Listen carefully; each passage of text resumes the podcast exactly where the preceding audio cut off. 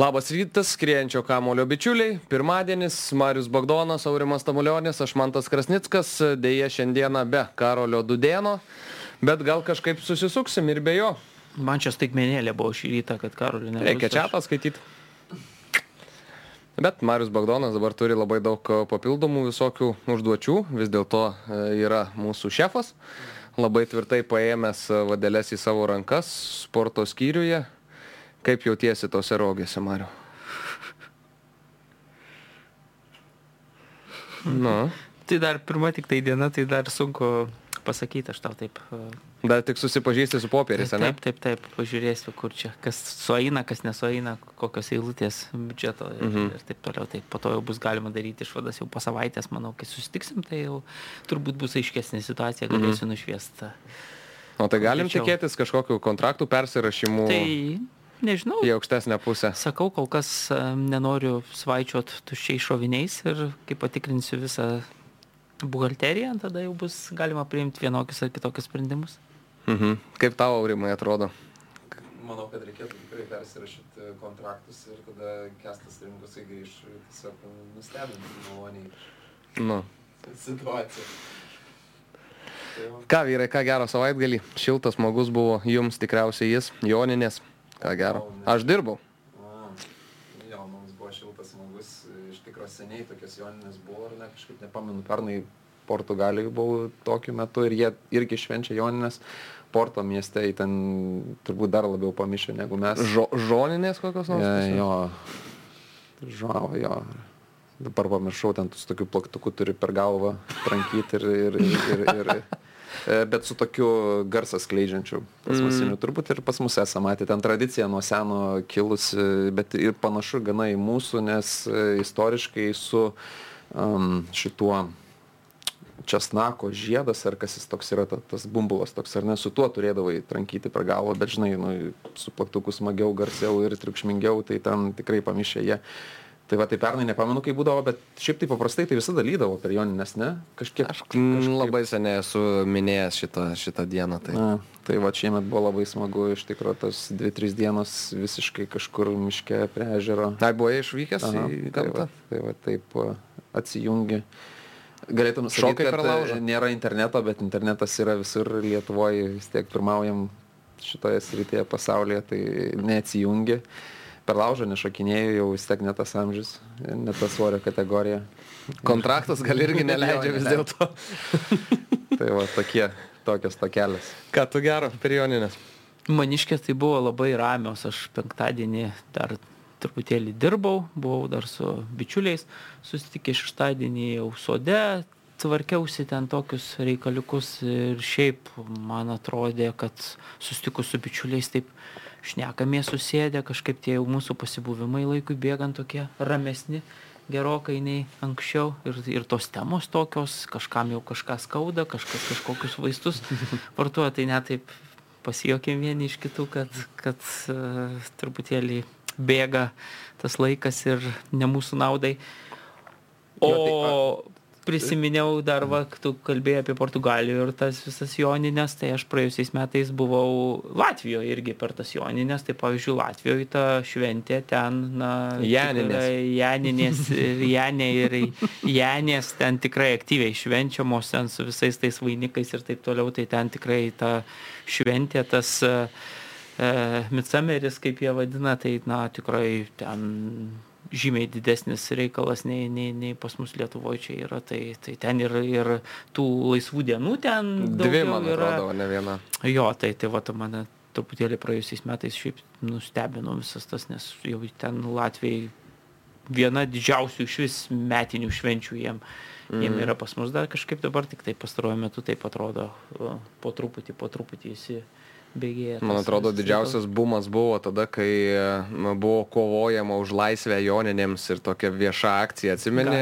Man atrodo, TV3 ir, ir viena iš alaus daryklų buvo pasiemę šitą reikalą ant savęs. Ir... Taip, taip. Ir nuo to iš tikrųjų tas nu, buvo toks atspirties taškas, kur, kur, kur ten išsikovojom mm -hmm. laisvę joninėm ir dabar taip truputėlį irgi nelabai Mano, žinom, ką, ką daryti per tą išsikovotą dieną, nu, bet vis tiek, jeigu kalbame apie ket, keturių dienų darbo savaitę, tai, tai vis dažniau, tai, tai va čia toksai irgi išsikovojom dar Mhm. vieną papildomą dieną. Jo, aš tai visą, visą savaitgalį praleidau prie kompiuterio, dirbau, daug sporto buvo, ko šiaip nesitikėjau, nes galvojau, kad bus iš vis lab- labai ramus savaitgalis, bet vyko ir tos Europos žaidynės ir, ir, ir, ir, ir Europos moterų krepšinio čempionatas, kurį beje Belgija laimėjo pirmą kartą istorijoje, visas rungtynės laimėjo Europos čempionate, Belgijas ir finale nugalėjo Ispanės. Švakar finalą grįžęs. e, Smagus finalas, šiaip buvo ypač. Atomas, kad tokia Belgijas visas rungtynės atsilikinėjo, paskui gale perlaužė. Ir ta belgių lyderė ten trigubo dublį, pirmą mm. čempionate surinko pabaigoje ten jau taip tuos perdavimus ten rankio jinai ketvirtinalį, kur tenais užfiksavo, ten jokingas buvo momentas, nu, bet istorija, istorijos knygose liks. Jo. Tai va, tai tiek ir dar aišku, vieną akim visą laiką savaitgalį sekiau tai, kas vyko mūsų e, toj šaly, apie kurią labai nesinori kalbėti, labai tikėjausi, kad visi vieni kitus išpjaus ir susprogdins, dėja tas neatsitiko, tai, Tai jo, kažkiek jo, vat. apmauda buvo. Marius sakė, kokias temas palėtėt e, bendraudami su ten bičiulių rate, tai prisiminiau, kad jo šeštadienio rytas pabudus buvo maždaug visi ten.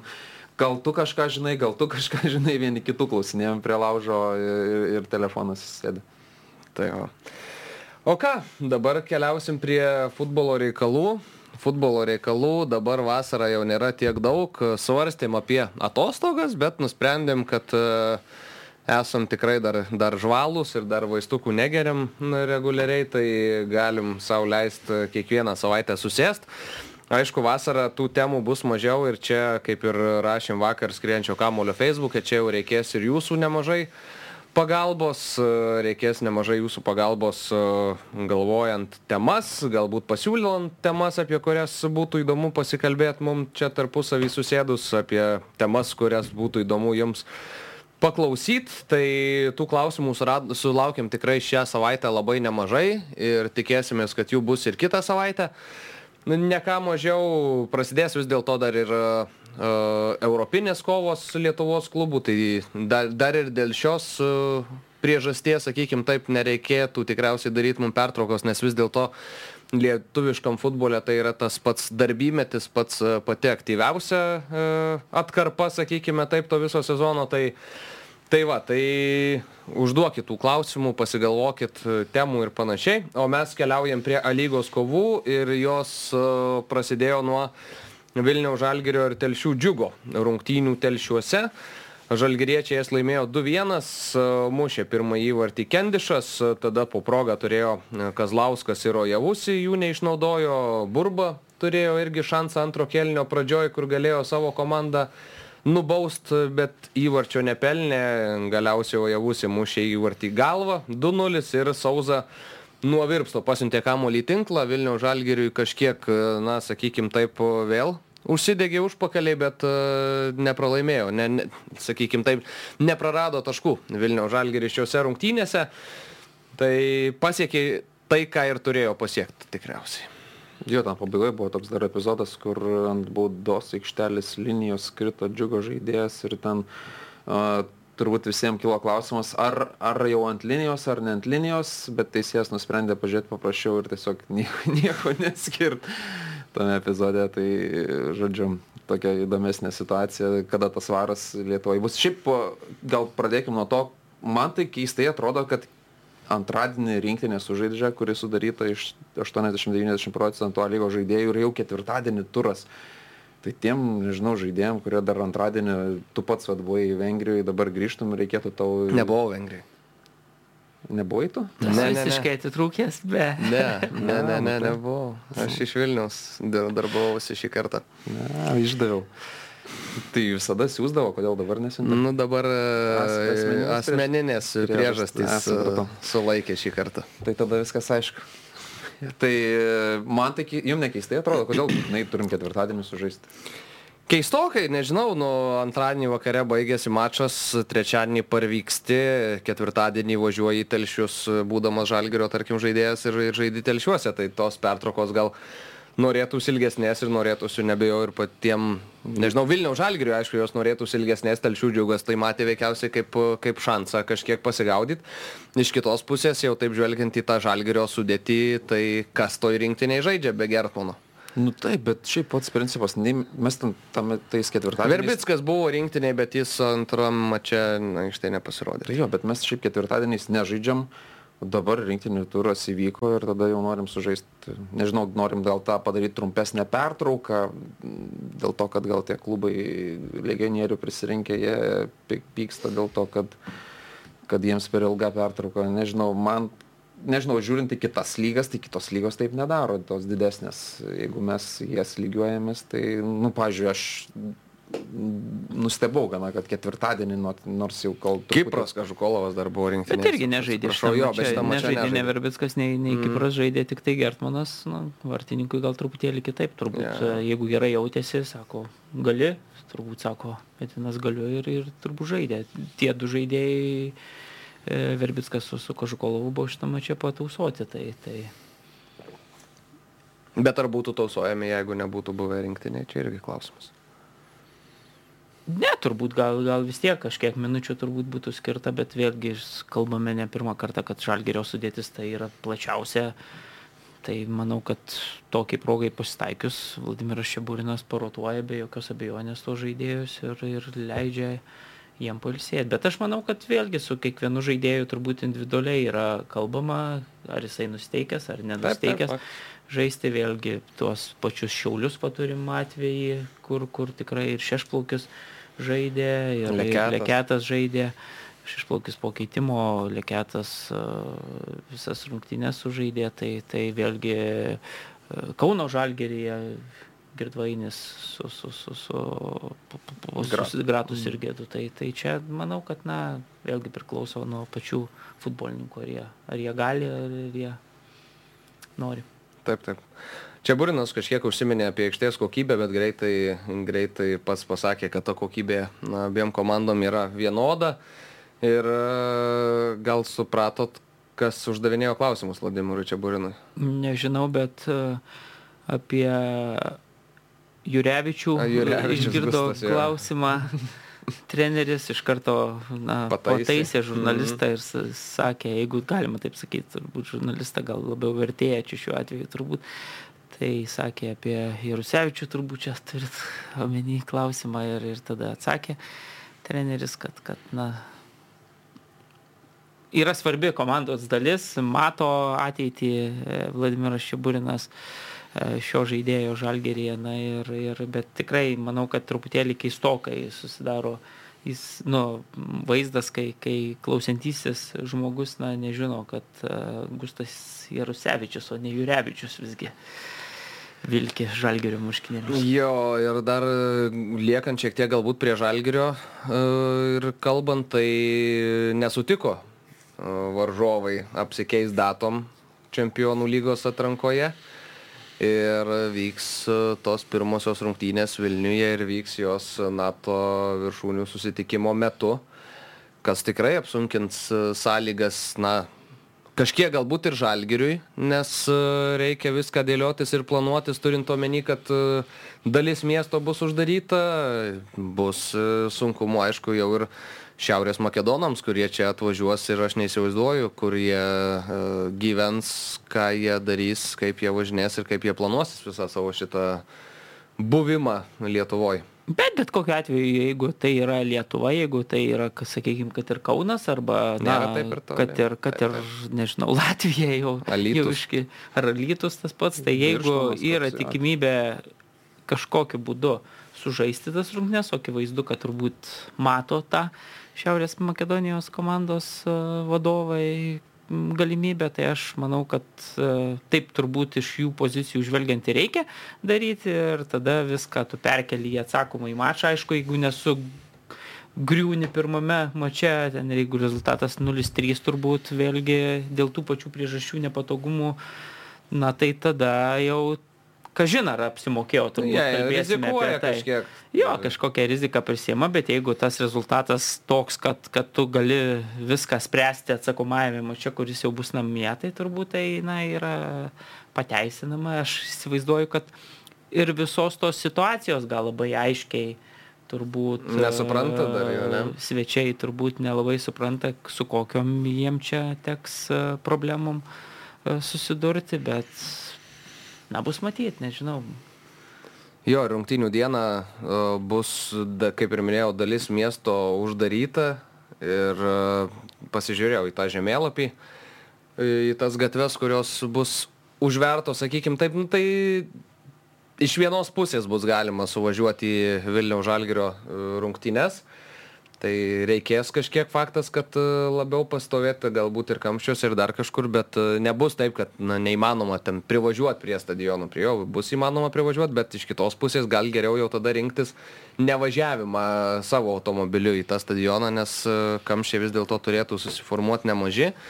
Ir šiaip tų papildomų problemų gali. gali jo, bet kilti. čia tos problemos, aš įsivaizduoju, ne tik tai Makedonijos komandai, na, jiem tai ką, atvažiuos iš to Kauno ar Alytaus, čia kai mes sakom su tuo autobusu, taip gal nepatogi kelionė, gal truks ilgiau nei, nei tik iš viešbučio, sakykime, mm. ir taip toliau, bet vėlgi, kiek organizacinių problemų, man atrodo, kyla Vilniaus žalgeriui dėl šito taip, taip. viso dalyko vien dėl tų, nežinau, suorganizuoti rungtynes apsauga. tokiu apsauga, kadangi, na, nebejotinai viskas bus pastiprinta tuo mm. metu, tai vis tiek didelė žmonių minėt, vėl kaip, kaip tuos rautus sureguliuoti, tai čia tikrai man atrodo, kad, na, Vilma Venslovaitinė tai sakydama tikrai neturėjo meni, kaip iki ten sakė, kad jie nesupranta, kokios problemų patys turės, tai aš manau, kad tų problemų turės ir Vilniaus žalgerių, tikrai nebus čia patogu suorganizuoti tas rungtynes, na, bet, bet, ką žinau, iššūkis yra iššūkis, su kuriuo Lietuvo čempionai turi susitikti tvarkyti. Taip, taip, atvyksta ir ten UEFA delegatai visokie, kur juos apgyvendinti, gal svečiuose pas kokią futbolininką ar pas, pas Vilmą ant sofos. Ja, bus reikalų, šiaip bus įdomu, aš bandžiau prieš, prieš mūsų įrašą pasiskambinti Vilmai Venslavaitiniai, bet uh, ragelio nepakėlė. Gal paskambins podcast'o metu, pajungsim jį kas į, į įrašą Vilniaus Žalgerio vadovė, o mes galim keliauti prie kitų rungtynių. Kauno Žalgeris Suduva 1-1, Dariaus Gerėno stadionas.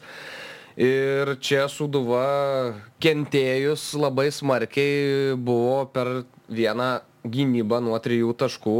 Kojodė mušė įvartį per pridėtą laiką antrajam kelinėje. Kamuolys nuo virpsto atsimušė į vartininko koją ir įskriejo į vartus. Tada Kauno Žalgeris ir toliau spaudė suduviečius prie jų vartų, keletą smūgių, kampiniai ir galiausiai Edvinas Klauniūnas galva pasiuntė kamuolį į tinklą, mušė įvartį, Kauno Žalgeris ketvirtą mačą iš eilės lygoje žaidžia lygiosiomis. Ir e, ta situacija, nu, toliau netrodo smagiai. Nu, Marius Tankievičius uh, užsiminė, kad tikisi, jog su laiku galbūt turės ir papildymą atakoje, nes, na, būtent toj toj pozicijoje, to, tose erdvėse labiausiai stringa Kauno Žalgeris. Ir šias lygesias e, prilygino pralaimėjimui Kauno Žalgerio treneris, nors iš esmės buvo labai arti ir pralaimėjimo. Jo, bet reikia pasakyti, kad ta 92 minutė įmuštas na, suduvos įvartis irgi toks. Prieš logiką, na, faktas truputėlį prieš logiką, net ir Davidas Lasauskas po mačo pripažino, kad daug e, kentėjo komanda, daug stengiasi, daug reikėjo kentėti, iškentėjo ir net aišku, kai viską taip žiūri, kad 97 minutę galiausiai... Vilma Venslovaitė, nejungiam į podcastą Žalgerio vadovą. Nežinau, čia. Nu, tai atsakymą galim jungti. Labadiena, ačiū, kad perskambinot ir aš iš karto perspėju, kad mes šiuo metu esam skrienčio kamulio podcast'e ir mes turim jums klausimą apie Vilniaus Žalgirio čempionų lygos rungtynių organizavimą. Tai galbūt galėtumėt mums šiek tiek papasakoti ir kartu visiems žiūrovam, kaip tas bus daroma. Mm, sveiki, aišku, pataikiau taip labai gerai. A, nu, kaip? Tiesiog dirbam su situacija, kokia jinai yra. Mhm. Nieko pakeisti negalim, ką galėjom, tą padarėm. Nuo kovo mėnesio bendravom ir su užsienio reikalų ministerija, ir su futbolo federacija, ir su UEFA. Jų sprendimas yra toks, koks yra. Jie leido rinktis mūsų varžovam. Varžovai pasirinko. O kaip jums, aha, o kaip jums atrodo, patys varžovai supranta, kokių jie čia problemų turės tą, tą, tą savaitę? Nu, tikimės, kad supranta dėl to, kad uh, jie turi jų kelionės organizatorių, berots uh, Latvijos rezidentą, tai jiems tas buvo viskas išaiškinta, raštuose mes viską buvom aiškiai iš, išdėstę tiek UEF, tiek jiem. Tai aš manau, kad jie daugiau negu kad supranta. Mhm. O jie turės viešbutį Vilniui, pavyzdžiui, čia toks elementarus klausimas. Tikrai ne. Mhm. O jūs pati nebendravot su jais, ką jie, ką jie galvoja daryti, kur jie gyvens, ką jie, ką jie iš vis darys? Ne, tai kaip aš ir paminėjau, jie turi atstovą, kuris organizuoja jiem tą kelionę. Mhm. Mes su juo bendravom, o, jisai sakė, aš pats sakiau, kad rekomenduoju jiems susikeisti, bet jų sprendimas yra toks, o kur jie suras, ten ir suras, nu, ko- koks mūsų reikalas kita vertus. Na, taip. Jeigu žmonės priema tokius sprendimus, aš suprantu, kad sportiniu principu jie yra teisingi, bet kaip jie tą išpildys, čia jų reikalas, jie prisėma atsakomybę. Nu, mes ne, neatsakom už juos, nu, ta prasme, čia mes atsakom, kad būtų stadionas ir tiek žinių, o, o, o čia už juos mes negalim kalbėti ir nenorim kitą vertus. Nu, tai mes savo ruoštų viską padarėm ir daugiau negu viską. Jų sprendimas yra toks, mes jį gerbėm, ruošiamės rungtynėm. Aha. O kaip bus su, su tais visais saugumo klausimais iš jau iš jūsų pusės žiūrint, na vis tiek policijos pajėgas kažkokias, kaip ir reikės turėti, čia irgi kils sunkumai? O, Po to jau galutinio sprendimo, kada pagal UEFOS protokolus buvo patvirtinti laikai, mes turėjom susitikimą policijai, kalbėjom, informavom juos apie tai, jie sakė, nuo pirmadienio pradės apie tai galvoti, nes na, pirmas klausimas tai buvo saugumo zonos mieste, kokios jos, kaip bus judėjimai, dar niekas nėra aišku, tai tas kontaktas jisai jau buvo iš karto nu, po pusvalandžio po patvirtinimo, kaip sakant, mes apie tai kalbėjom ir susitarėm bendradarbiauti, nu, tai ką mes galim daugiau pasakyti, nieko kol kas, aš berots mačiau, lyg tai šeštadienį paskelbė tas, tas miesto zonas saugumo tos, tos, um, kaip sakant, um, žemėlapius, bet um, manau, kad dar per šią savaitę daug kas presės. Tai kontaktas yra aptarta, įsivertinta, o kaip bus, tai bus. Nu. Mhm. Nieko prognozuoti negaliu. Taip. Atsakyti nieko, nes jokios konkrečios dar informacijos čia nelabai kas ir beturi. O jum pa, patiem, tarkim, komandos, e, na nežinau, ar jūs ruošiatės galbūt gyventi viešbutį prieš tokias rungtynes, e, treniruotis, visi šitie dalykai ir, irgi atsilieps? Na, treniruotė, ko gero, gal, gal, gal ir nelabai atsilieps, o šiaip tai mes gyvensim už Vilniaus apie 30 km. Mhm. Tai irgi jau, jau, jau, jau ėmėte šito dalyko, ar ne? Jo, tai iš karto čia, čia nelabai yra ir pasirinkimas, nes nu, reikia suprasti, kad beveik 5000 svečių Lietuvoje. Taip, taip. Aš ne- nesu tikra, ar mes turim tiek lovų visoje Lietuvoje. Gal ir turim su pajūriu, bet, bet šiaip iš principo tai yra sudėtinga situacija. Sudėtingiausia, ko gero, bus jiem išskristi. Aha. Bet, a, nu kaip pasakyti, suprasdami visą tai, jie paskiria, pavyzdžiui, 19 dieną, trečiadienį rungtinių laiką. Mes irgi turėjom tokią teisę daryti trečiadienį. Tai jie būtų atskridę tris dienas iki rungtinių. Nu, žodžiu, mes iš savo pusės padarėm viską teisingai, sąžiningai. Jie priemė sprendimus, tai mes juos tiesiog priemam. Aha. Ir dabar gal šiek tiek apie kitą temą buvot užsiminus apie tuos galimus papildymus Vilniaus Žalgirio, kokia yra su jais situacija. Vyksta dėrybos, kitiem daromi dokumentai, nes vizinis režimas yra. Mm, Taip, kad laukiam. Mhm. Ir čia atakuojant į žaidėją, ar ne? Ir trys jie turėtų būti, kiek supratau. Taip. Aha. Nu, 3, 2, žiūrėsim, nes, matot, yra, yra tokia situacija kaip vizinis režimas, ne, ne visus gali atsivežti žaidėjus. Taip. Ir šiaip jūsų sudėtis yra tokia gana pilna, sakykim taip dabar, ar galima laukti kažkokiu tai atsisveikinimu, ar, ar, ar, su, ar nutraukimu, ar nuomu, ar dar kitokių dalykų? Taip, dabar dirbam to klausimu, langai atsidaro ne tik pas mus, bet ir, ir kitose šalise. Tai kas pavyks padaryti, tai, tai, tai tikrai mm, išlydėsim, atsisveikinsim, bus matyti, bet nu, reikia suprasti, kad tai yra futbolas ir tie kontraktai jie yra saliginai saugus, Mhm. kol jų yra galiojimas. Supratau, supratau. Bet a, šituo klausimu dirbam. Tai yra- Ok, taip. ok. Ką, ačiū Jums tada labai už mintis, iššokot pas mus čia taip į laidą smagiai, bet man atrodo, kad viskas labai, labai, labai gerai pavyko. Tai ačiū Jums, sėkmės ruošiantis ir lauksim naujienų. Tai ačiū Jums labai. Ačiū Jums, iki. Gerai, iki. Na va, tokia situacija vyručiai. Ne kažką. Nu, matysim, kaip bus, bus įdomu, man atrodo, e, pasekt, kokiu būdu čia tie Šiaurės Makedonai apsistos Lietuvoje, kokiu būdu jie važinės, matom, Žalgeris jau, jau turi, kur gyvent 30 km nuo Vilniaus.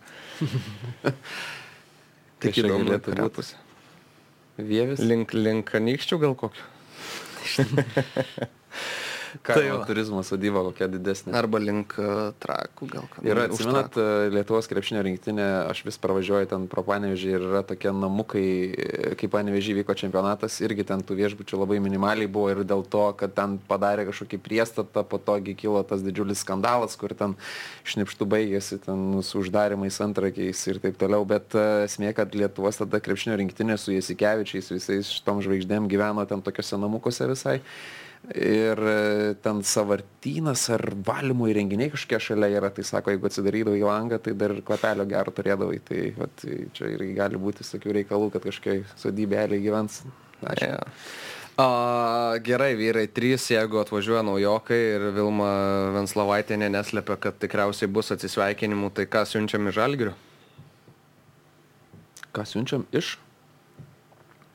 Ar į Williamsoną? Turbūt, ar Williamsonas Ja, Algalą yra- irgi būtų gerai matyti. Auditą turbūt ir atlikti. pagal algalapį, ir pagal tas viltis, kurias, kuria iš, kurių nepateisino Islandas, manau, kad, kad visgi per didelė figūra turbūt buvo Planuose, ne? jo ir, ir, ir gauta iš jo per mažai. Aš kažkaip vis tiek dar, man atrodo, pagal potencialą, tai žaidėjas vis tiek turi, turi potencialą, man atrodo. Bet, na, faktas tas, kad polė, iš polėjo reikia įvarčių, jeigu tų įvarčių nėra, tai man atrodo, na, pagrindinė turbūt raudona, raudona vėliavėlė yra ties šito žaidėjo. Sebai? Aš- Turbūt, matai, labai daug priklauso nuo, nuo to, kokių pozicijų žaidėjų čia iš tikrųjų ieško žalgeris. Aš ką- kaip suprantu, tai ką- veikiausiai, aš bent jau taip įsivaizduoju, turėtų būti krašto saugas, Nu, turbūt puolėjas labai tikėtina, jeigu- dešimtas numeris. Jeigu atsispiriant dar ypatingai į praėjusią sezoną, mhm. žinant, kad, kad Orega tikrai labai svarbu vaidmenį vaidino, dabar to žaidėjo, sakykime, taip krašte, ar vienam ar kitam tikrai mes pasigendam labai stipriai, o kai, kai, kai to žaidėjo krašte nėra, tai, tai ir tas žaidimas toksai truputėlį tampa blankokas ir labiau nuspėjamas. Žalgerio, na ir akivaizdu, turbūt, kad, kad, kad iš šio žaidėjos aš manau, kad jų ir atlyginimai arba bent jau, na, sumos tos yra tikrai vienos didžiausių arba, arba šitų paminėtų žaidėjų. Tai aš manau, kad, kad, kad jie turbūt abu yra tam Taip, sąraše. Tai visiems turbūt ir tam pačiam vakai, nežinom, kiek ten žalgris vis tiek pamatė jau per tuos kelias mėnesius, kiek dar tiki šio projektu. Ir dar, aišku, didelis klausimas, kiek jam moka, nes, nu, tokį žaidėją atsivežti iš, iš Pietų Amerikos, tai pirmą kartą tai irgi labai didelį, daug klaustukų, bet uh, tik treniruotėse turbūt matai to žaidėjo potencialą.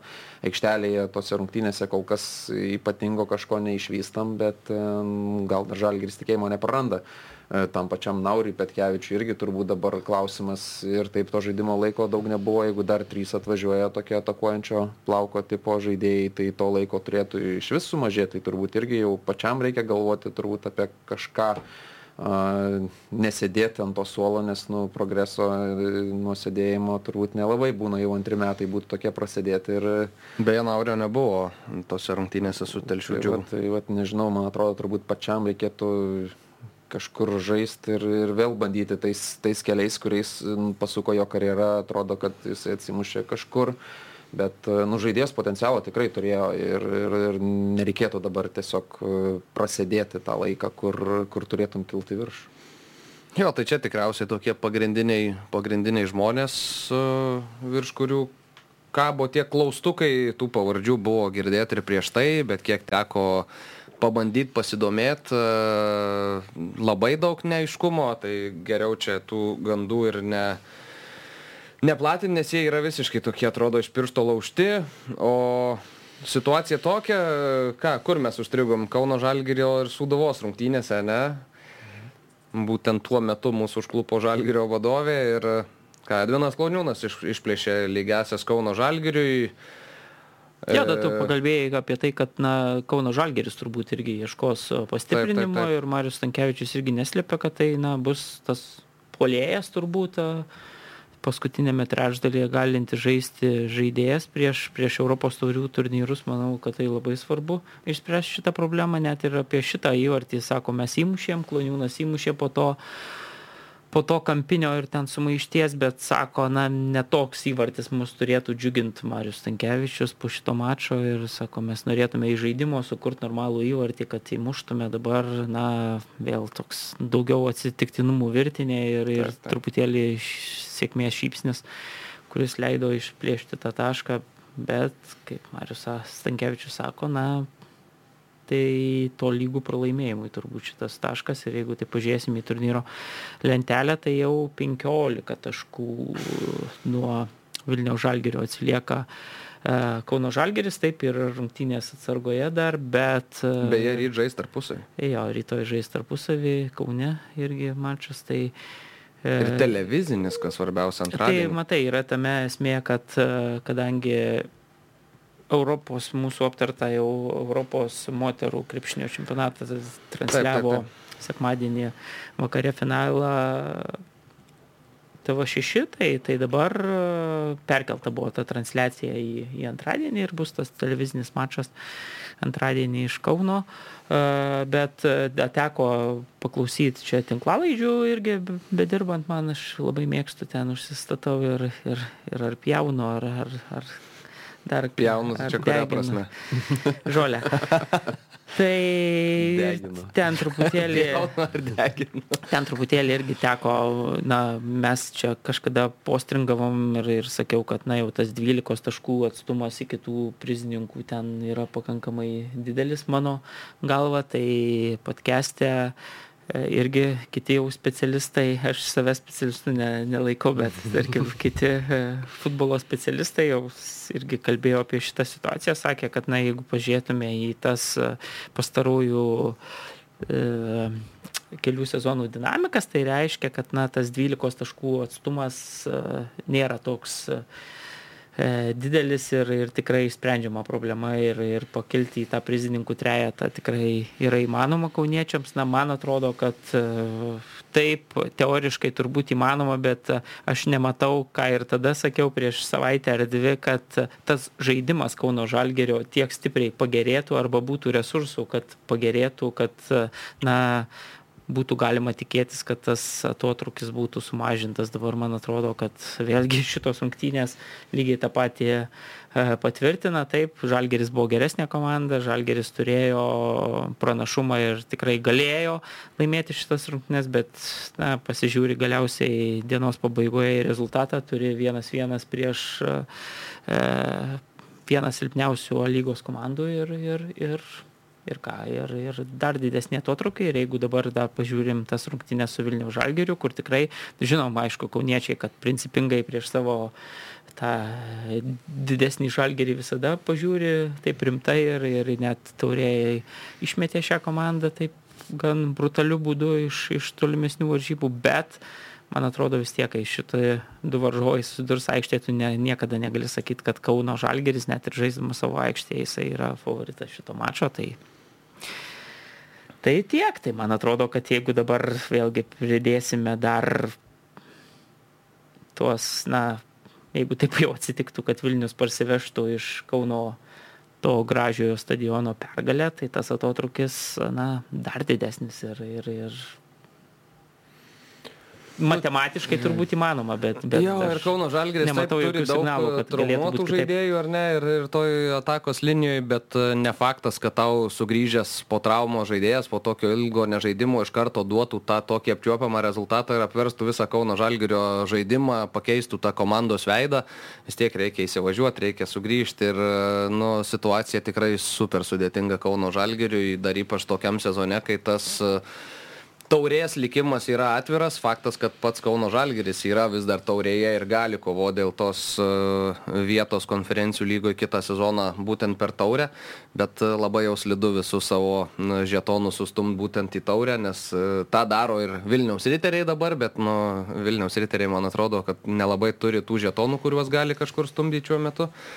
Kauno Žalgeris, aišku, tam taurės turnyre faktas, kad e, matėm jau prieš Vilniaus Žalgerį, tos vienerios rungtynės buvo tiesiog įspūdingos. Man atrodo, kad stumdyčiai ir dabar žetonus tiesiog reikia gerą žaidimą taip, demonstruoti. Taip, Jeigu tu, žinai, ne, kai tas geras žaidimas bus ar, tau, ar lygoje, ar, ar, ar taurėje, jau čia svarbiausia, kad na, labai sunku taip įsivaizduoju paimti ir čia dabar mes jau čia deginam A lygą, te, kaip bus, tai bus. A, čia, o tada jau taurėjai. Mhm. Taip nebūna, čia, žinai, turi demonstruot gerą žaidimą, turi, turi mušti įvarčius, na ir tada kažkaip tikėtis, kad, kad ant tos bangos pataikysi dar ir taurė ir, ir tie rezultatai vėlgi tauriai iš tų likusių komandų, tai, na taip jeigu pažiūri, tai vis tiek Žalgeris yra vienas iš, Kauno Žalgeris yra vienas favoritų, kaip, kaip, kaip tu bežiūrėsi, tai, tai tiesiog reikia, na, dirbti darbą ir tikrai negalvoti, ar ten lygoje, ar, ar tauriai tu čia dabar žaidži, beje, Grata su Girdvainiu treneris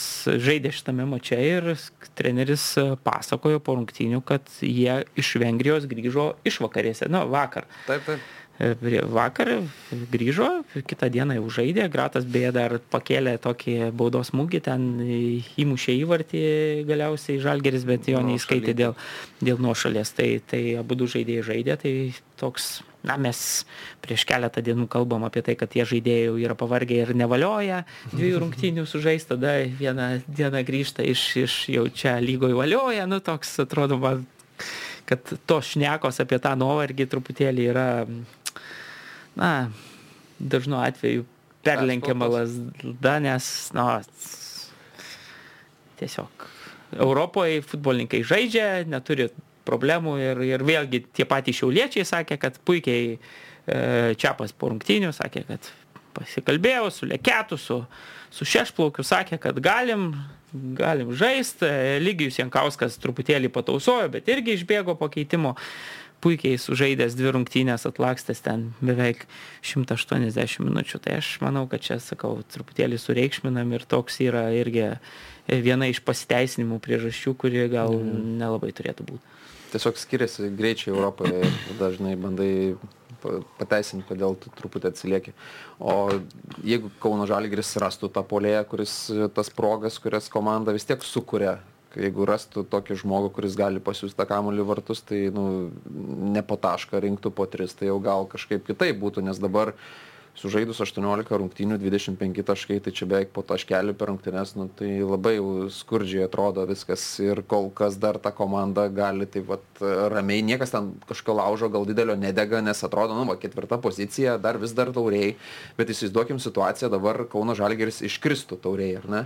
Tai tu žinai, kad greičiausiai tą taurę e, laimės komanda, kur ir pasims tą ketvirtą poziciją ir viskas. Ir tada tau reikia gaudyti trejetą prizininkų, o prizininkų trejetas, nors ir gali sakyti, kad dar teoriškai pavėjimas, bet praktiškai tai labai sudėtingai pavėjimas. Tai čia netrukus gali tokia atvira liepsna ten užsidegti viskas. Uh, taip gražiai prasidėjus ir ambicingai mes čia į antrą vietą tą komandą surašėm be jokių klausimų. Čia tik, e, kad Vilniaus žalgiriui gal dar mes iššūkį kažkokį svarstėm, o galiausiai gali nutikti taip, kad sužais vieną prastesnių sezonų pastaraisiais metais.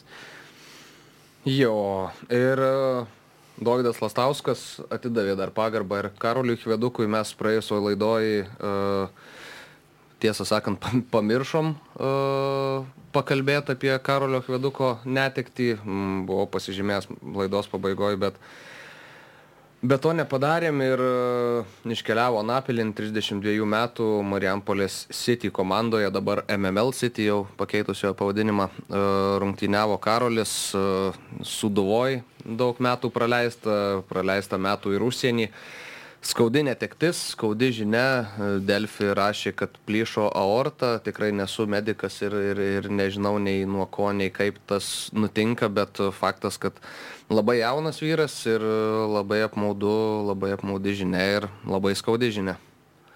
Taip, kiek teko vat, skaityti, kaip ir bandė jisai vėl graži, gaivinti tą savo futbolininko karjerą ir bent jau ten pirmojo lygoje buvo vienas ryškiausių vis tiek žaidėjų, nu, toks žaidėjas vis tiek jo klasė E, klasė matoma toje, toje, tose batalijose, bet e, nu, tikrai labai netikėta tokia žinia buvo ir labai sukrečianti. Tikrai čia, ką, su, ką sutikdavau dabar žmonės, tai visi manęs tik ir klausia, kas atsitiko, ir, bet nu, patraukė pečiais, nežinai ten tiksliai, kaip ten viskas buvo.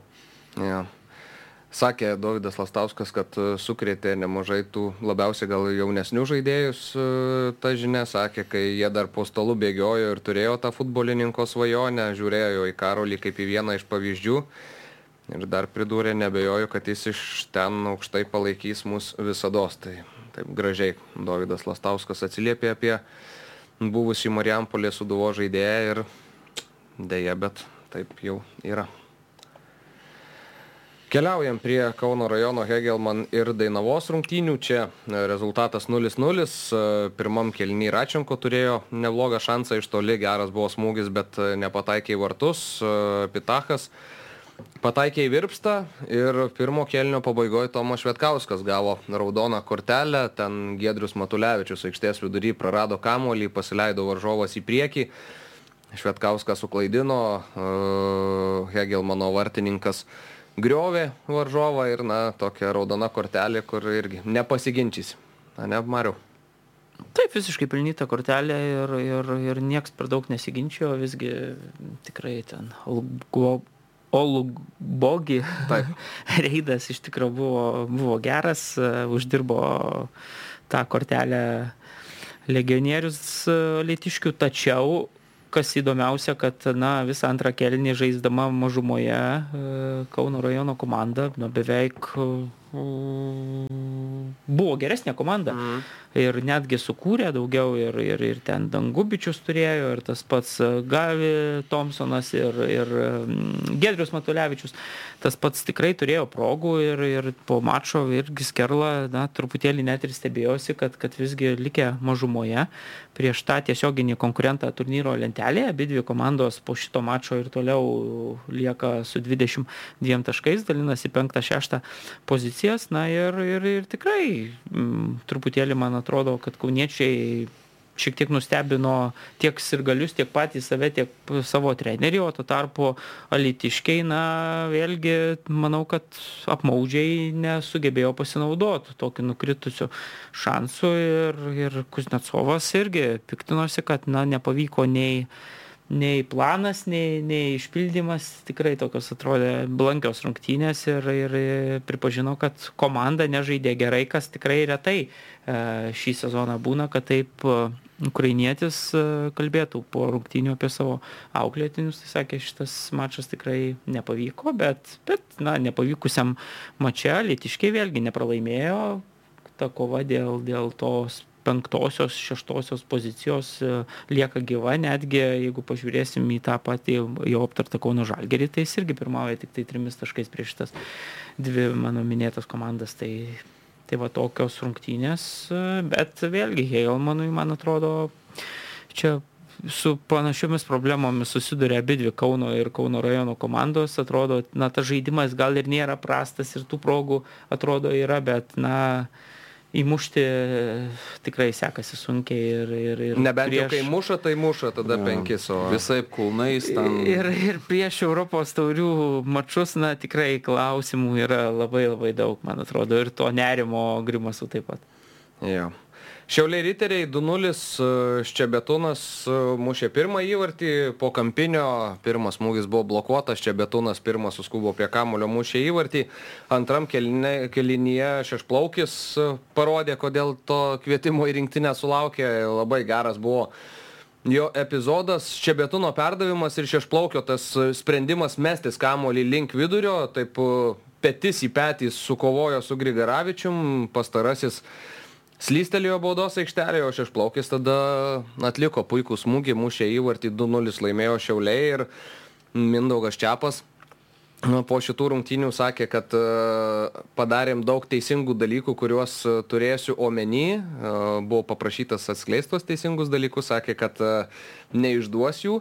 Mhm. Ir po tos lygiųjų serijos Šiauliai uh, iškovojo pergalę ir buvo paklaustas apie tą galbūt uh, vėl nukritusį spaudimą. Tai taip uh, nusijuokė Mindaugas čia, pasako, tai kad to spaudimo nebuvo.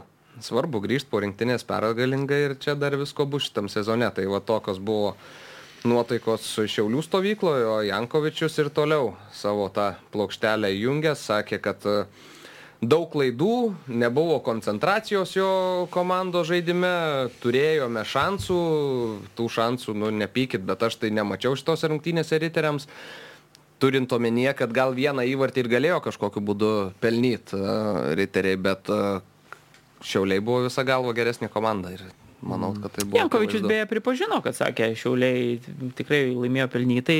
Iš kitos pusės, man atrodo, labai didelį bėdų maišą šiuo metu turi e, riterių komanda ir, ir supranta tai ir serbas treniruojantis komandą ir, na, Bet, bet kokiu atveju po rinkinės vėlgi pertraukos, tai eini į tą kovą, vėlgi kažkokia yra pertraukėlė, taip ta banga buvo lyg tai šiaulių ten kelių savaičių nebloga, bet bendrai to eini ir, ir neaišku, ką tu gausi vėlgi prieš tos pačius riterius, galbūt, žinai, pailsėję ten, persigrupavę, jie gali, gali nustebinti, bet tai aš manau, kad apie tuos teisingus dalykus, kur Čiapas kalbėjo, tai jam irgi toks nukrito tas palengvėjimas, kad, na, išėjo į šitą mačą kaip favoritė ir tikrai to favorito, favorito statusą visiškai pateisino jo auklėtiniai, tikrai sužaidė solidžias rungtynės, įmušė du įvarčius po pirmo įvarčio tapo, aišku, žymiai jau lengviau, ta įtampa turbūt nukrito, na, o antras tas šešplukio įvartis tikrai, aišku, ten truputėlį gal gynėjas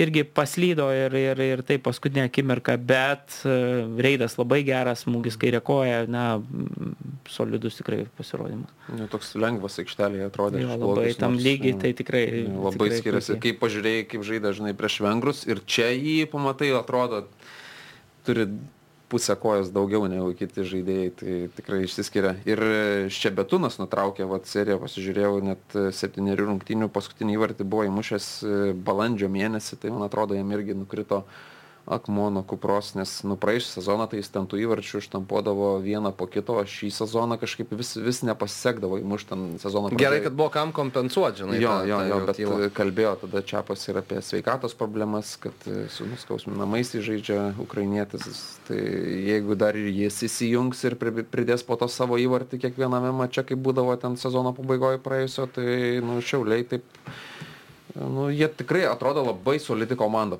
Matai, ką Mantas Kuklys, kaip jis ten aikštės vidury diriguoja situaciją, tos perdavimus skirsto ten priekyje, lengvi tie žaidėjai. Nu,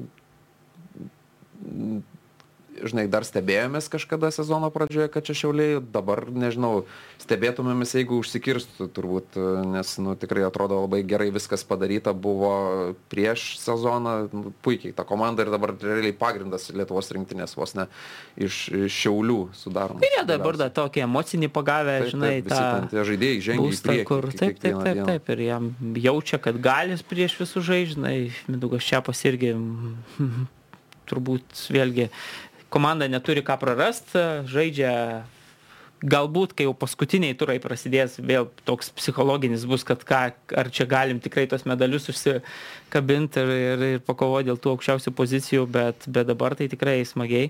Atrodo, komandas čia Betūnas beje ir antram įvarčiui atliko tą perdavimą ir tas perdavimas buvo tikrai netoks koks nors atsitiktinis, bet akcentuotas, geras, į laisvą plotą tikrai ten puikiai prieimė tą kamolį šešplaukis. Jo, ir paskutinės rungtynės e, banga panevežys, panevežiečiai 1-0 e, laimėjo tas rungtynės, bet nebuvo jos lengvos, Ariagneris Mitas mušė tą vienintelį įvartį, bet dar prieš jį gerokai turėjo savo šansą Piliukaitis, pataikė į virpstą, tokią progą, kur atrodo norėtųsi, kad jaunas žaidėjas realizuotų, nepavyko to jam padaryti ir banga o, patyrė šitą pralaimėjimą. Afonso man patiko komentaras po rungtynių. Vienas toks epizodas sakė, kad teisėją noriu pagirt, gerai teisėjavo, tik noriu paklausti, kodėl Sigio neišleido anksčiau į aikštę, nes būtent tada, kai mušė į vartį, buvo bango žaidėjas už aikštės ribų ir ne, nesugražino jo į aikštę. Arbitras, tai, va, tai to, toks va, buvo Fonso klausimas, iš pradžių pagyrė teisėją, sakė, taip, padarė klaidų, bet visi mes darom klaidų, tik sako, noriu paklausti, kodėl Sigio į aikštę anksčiau negražino. Jo, bet e, panevežys taip jie atrodo žaidžia su tais degtukais, ten tikrai buvo situacijų, kur banga. O karštuo aikštėje tokio, kokia buvo gargžduose, nu, atletierė, ypatingai su tais degtukai žais pavojinga. Taip, taip, taip, bet e, tie rezultatai, vat, jeigu kalbam apie Kauno Žalgirį, kad ten jiems to įvarčio pritrūksta, o panevežys tą įvartį ištraukė, bet aišku, tie vat, e, Panežė legionieriai tikrai didelį skirtumą daro. Turi pusprogę ar progą, ten tas e, ar Jagnerio įvartis, tai, nu, žinai, ne kiekvienas tokį muša, o va čia. Jo, va čia ir yra skirtumas tai, nuo to, ką turi, pavyzdžiui, Kauno Žalgeris ir ką turi ypatingai šį sezoną panevežys priekiai, tikrai Jagneris mitas, nu, va, kai tu pasakai, kad ne tikrai, ne kiekvienas lygoj tokį įmuša, tikrai ir priimtas kamuolys gerai, ir apsisukta, jokio bereikalingo veiksmo, pramušta į vartų kampą, tikrai toks geras įvartis ir atrodo tokiuose rungtynėse, kur na banga tikrai gerai žaidė ir, ir, ir Afonso tą patį pripažino ir net progą turėjo, jeigu ten Piliukaitis, pavyzdžiui, būtų įmušęs tą, e, kur mhm. atsimušė į virpstą, tai ojojoj, visko, visko gali būti, bet, bet va tokios smulkmenos atrodo ir šį sezoną tose smulkmenose tą reikiamą detalę panevežys turi ir ištraukia, o kitos komandos, va čia ir yra tas skirtumas tarp, tarp, tarp pirmos vietos ir septintos mhm. A lygoje. Taip. Dar Afonso kalbėjo ir apie Piliukaitį buvo paklaustas, sakė, kad na, atėjo iš Vilniaus Žalgirio šitas jaunas futbolininkas iš Žalgirio, kuriame nėra krašto saugų pozicijos tokios kaip ir ir e, sako, kad čia pas mus žaidžia ir tikrai yra jau vienas svarbiausių žaidėjų aikštėje, kuris labai gali daug pridėti ar atakoje. Tai sakė, kad e, palinkėjo Viliui sugrįžti į Vilniaus žalgirį ir ten užsikabinti e, Davidas Afonso, o Džino Letieri, na, kai visada turėjo mūsų aikščių inspektorius pastabų. Ir šį kartą sakė, kad ground have no water, not easy when you don't have water. Tai buvo sausa aikštė, nepalaistyta, Džino nebuvo patenkintas tuo bet buvo patenkintas Remeikiu, iškviestas buvo į vyrų rinktinę antrosioms rungtynėms Matijus Remeikis. Ir sakė, kad buvo tikras pitbulis aikštėje, ėjo į kiekvieną dvikovą, visas jas laimėjo, tai gražių žodžių nepagailėjo savo jaunajam auklėtiniui Džino Letieri, panevežys, dabar jau peržvelgiam tą lentelę 46 taškai laiko tą pranašumą nuo savo dviejų tų apatinių konkurentų panevežiečiai. Vos septyni praleisti įvarčiai vis dar, kas yra neįtikėtina per 19 rungtynių. Šiauliai su Žalgiriu antra, trečia vieta po 40 taškų. Kauno Žalgeris tik 25, Hegelmanas 22, tiek pat turi ir Alitaus Dainava, 19 Banga, 18 Suduva 14 riteriai ir 11 telšių džiugas. Tai va tokie dalykai, dabar pereinam prie uh, mūsų žiūrovų klausimų. Ir čia buvo keletas klausimų tai Instagrame. Gal, galima dar gal apie panevežį pasakyti, kad... Tai bus. Ai, tu čia. Jo, gerai. bus.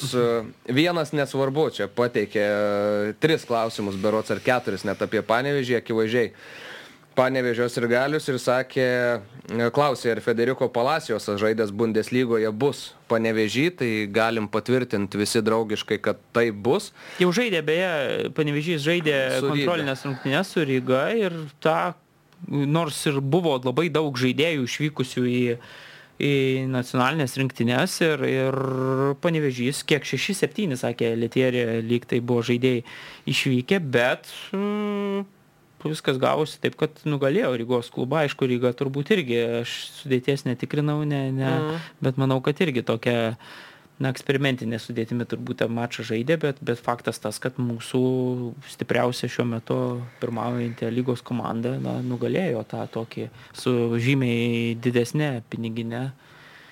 Ja, tai tos rungtynės buvo sustabdytos ten 82-3 minutę dėl didžiulės liūties.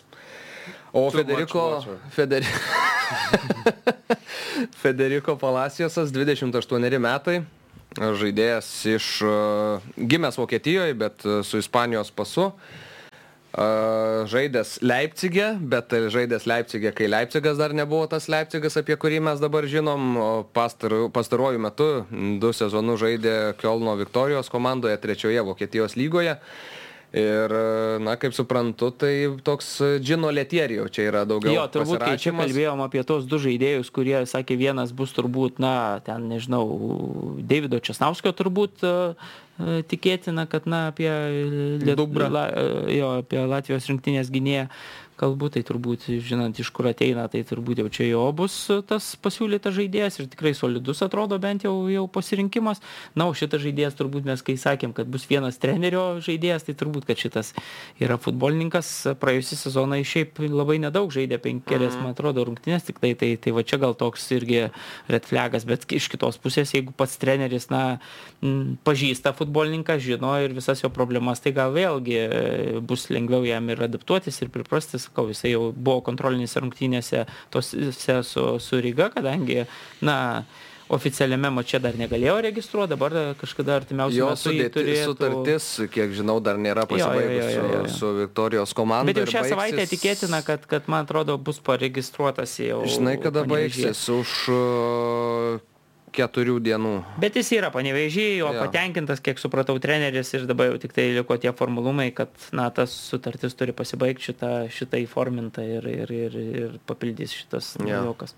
Ir dar vienas nesvarbu, turi klausimą apie Livelto, kuris yra Lietuvoje ir sako, gal bresta sugrįžimas į Panevežį, tai na, žinom, kad Televelto yra kažkiek įleidęs šaknų Lietuvoje, vis dėlto žmona yra lietuvė ir atžala čia gyvena, tai nenuostabu, kad atvyko į Lietuvą vasaros metu. Galbūt, nežinau, galbūt ir e, būtų visai naudingas panevežiai dar vienas žaidėjas, bet tik klausimas, aišku, ar galėtų išpildyti finansinės užgaidas. Tai kas čia dar ieško trijų atakuojančių žaidėjų? Sakai? Nežinau. Į Vilnių? Nemanau, kad. Aš irgi nemanau, bet. Bet čia e, matai, šiuo atveju, man atrodo, mes negalim dėl daryti išvadų, išvadų, koks tas futbolininkas buvo net ir praėjusiais metais. Reiktų mm. žinoti, žinai, dabartinę formą, taip, taip, sekti taip. ir taip toliau. Ne vienas iš mūsų neseka ir, ir man atrodo, tokį pirkimą tik tai vardo, na, ypatingai prieš Europos taurių po tas visas batalijas, na, būtų labai jau rizikinga, man atrodo. Na, na galbūt ir e, paeitų šitą kortą, bet, bet visgi, na, Man atrodo, kad tam profesionaliame lygyje, jeigu mes norim kilti į aukštesnį dar kažkokį lygį, tai mes jau turėtume na, eliminuoti tokius rizikos faktorius, kur galbūt ir pasisektų, nežinau, gal jisai ir geros formos ir taip toliau, bet, bet jeigu jisai tik tai grįžo po ten, nežinau, pasibaigusio sezono tik atostogom, tai tada aš tikrai vėl to pastaruoju metu neseku čia karjeros, tai nežinau, kokia yra situacija. Jo. O, ir dar turi Maksastas, toks bent jau Instagramo nikas, klausimą apie panevežio galimybės laimėti A lygą šiemet. Paprašė mūsų pa, paanalizuota tuos šansus, kaip jums vyrai atrodo, dabar jau prasidėjo trečias ratas. Panevežiečiai pirmi su šešių taškų persvara prieš artimiausius varžovus, pildosi dviem tikrai gana solidžiai žaidėjais. Tai gal vis dėlto panevežys Tai turbūt... Kabinsis? Nežinau, tai jeigu reikėtų spėti, tai turbūt spėjai čia tokiais procentais. Vis tiek Žalgiris, Vilnių Žalgiris vis dar, manau, yra favoritas ir uh, tarpusavio mačai dar bus laukiantis, bus labai svarbus ir ten, nu, panevežys tikrai nebus favoritas, kai susitiks su Vilnių Žalgiriu, reikia žaisti su to pačiu, su tais pačiais šiauliais, su, su su Kauno Žalgiriu, kuris, vat, jeigu ruošia, jeigu ras ten tą polėją, kuris gali pasiūsti kamuolį vartus, tai, nu, aš sakyčiau, kad vis tiek Vilnių Žalgiris vis dar yra favoritas, o panevežys gal netgi atrodo, kad truputį taip, nu, stoja. Vat, man pastaruoju metu šiauliai netgi atrodo žvalesni, gyvesni ir jiems gal net tas ir padeda, kad jie truputį to dėmesio tiek daug negauna, kiek gauna panevežys, nes jie pirmauja, jiems reikia tempti tą vežimą ir visą dėmesį sutelkti į save. O šiauliai taip tyliai, ramiai savo žaidžia ir, ir dar būtų labai įdomu, jeigu pabaigoje išvystume situaciją, kai likus ten dviem, trim turam, dar va trys komandos pretenduotų į titulą, tai būtų fantastiška ir žinant, jeigu, jeigu Vilniaus Žalgiris Europoje vėl keliaus toli, tai jiems e, A lygui nebus lengva čia tuos taškus susirinkti. Ir žaidimas rodo, kad nėra lengva susirinkti taškus. Tai nežinau, 20-30 procentų tame segmente spėčiau. 20-30, kad panevežys gali laimėti lygą, ne? No, bet čia daugokai netgi skamba, sakyčiau. Mm, ne? Nežinau, kaip tau, Mario, atrodo. Aš tai sutinku irgi, man atrodo, kad čia dar vis tiek Vilniaus Žalgeris ryškus, sakyčiau, favoritas visgi, na, sezono tik tai pusė, na, truputėlį daugiau sužaista, bet, bet, na, lygių skirtumas yra tikrai didelis ir tu matai, kad jau, pavyzdžiui, žino iš šitos komandos e, spaudžia beveik maksimumą, tuo tarpu Žalgeris akivaizdžiai na, labai stringa ir, ir, ir tu akivaizdžiai matai, kad potencialas tos komandos yra na, žymiai didesnis. Tai, tai jeigu mes prisimenam praėjusius metus, kai tikrai viskas, viskas buvo statoma ant tų Europos taurių rungtynių, ten atrodė Žalgiris labai solidus ir su ta banga po to visus jau pradėjo šluoti lygoje tikrai be jokių ten didelių problemų. Tai, tai aišku dabar vėl tas žaidimas dviem frontais, na, nebus turbūt žalgeriečiam, nes neturi jokios galimybės suklysti nei ten, nei ten. Tai čia toks spaudimas, aišku, užguls ant, ant e, Vilniaus komandos e, futbolininkų pečių, bet manau, kad vis tiek, na, lygių skirtumas tai dar, man atrodo, yra pakankamai nemažas.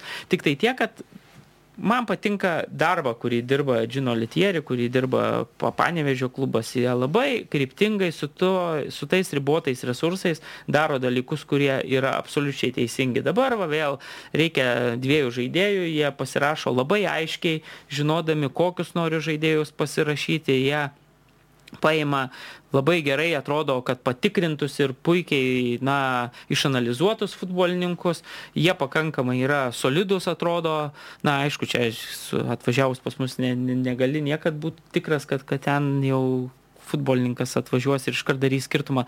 Bet tu matai, kad, na, atrodo logiški tie sprendimai. Dabar kalbant apie vėl kitus, pavyzdžiui, gerai, šiauliam turbūt e, nėra būtinybės e, stiprintis, bet Vilniaus žalgerį tu vėl ten kažkas kažko atsisakys, atvažiuos naujokai. Tiem naujokam, man atrodo, vėlgi bus tokie, kur na, priprasti ir įsilieti į tą komandą, ypatingai tokiu svarbiu sezono metu, nebus lengva man atrodo, kad ta adaptacija šitų dviejų naujokų panevežyje į visas tas aplinkybės įvertinant bus kažkaip mm. atrodo paprastesnė nei, nei, nei gali būti e, Vilniaus žalgėje, nes vėlgi ateis e, kažkurių žaidėjų atsisakys, ateis tie, tada visi lūkesčiai bus, kad jau jie čia atvažiuos ir darys žaidimą, jeigu jie to žaidimo nedarys vėl.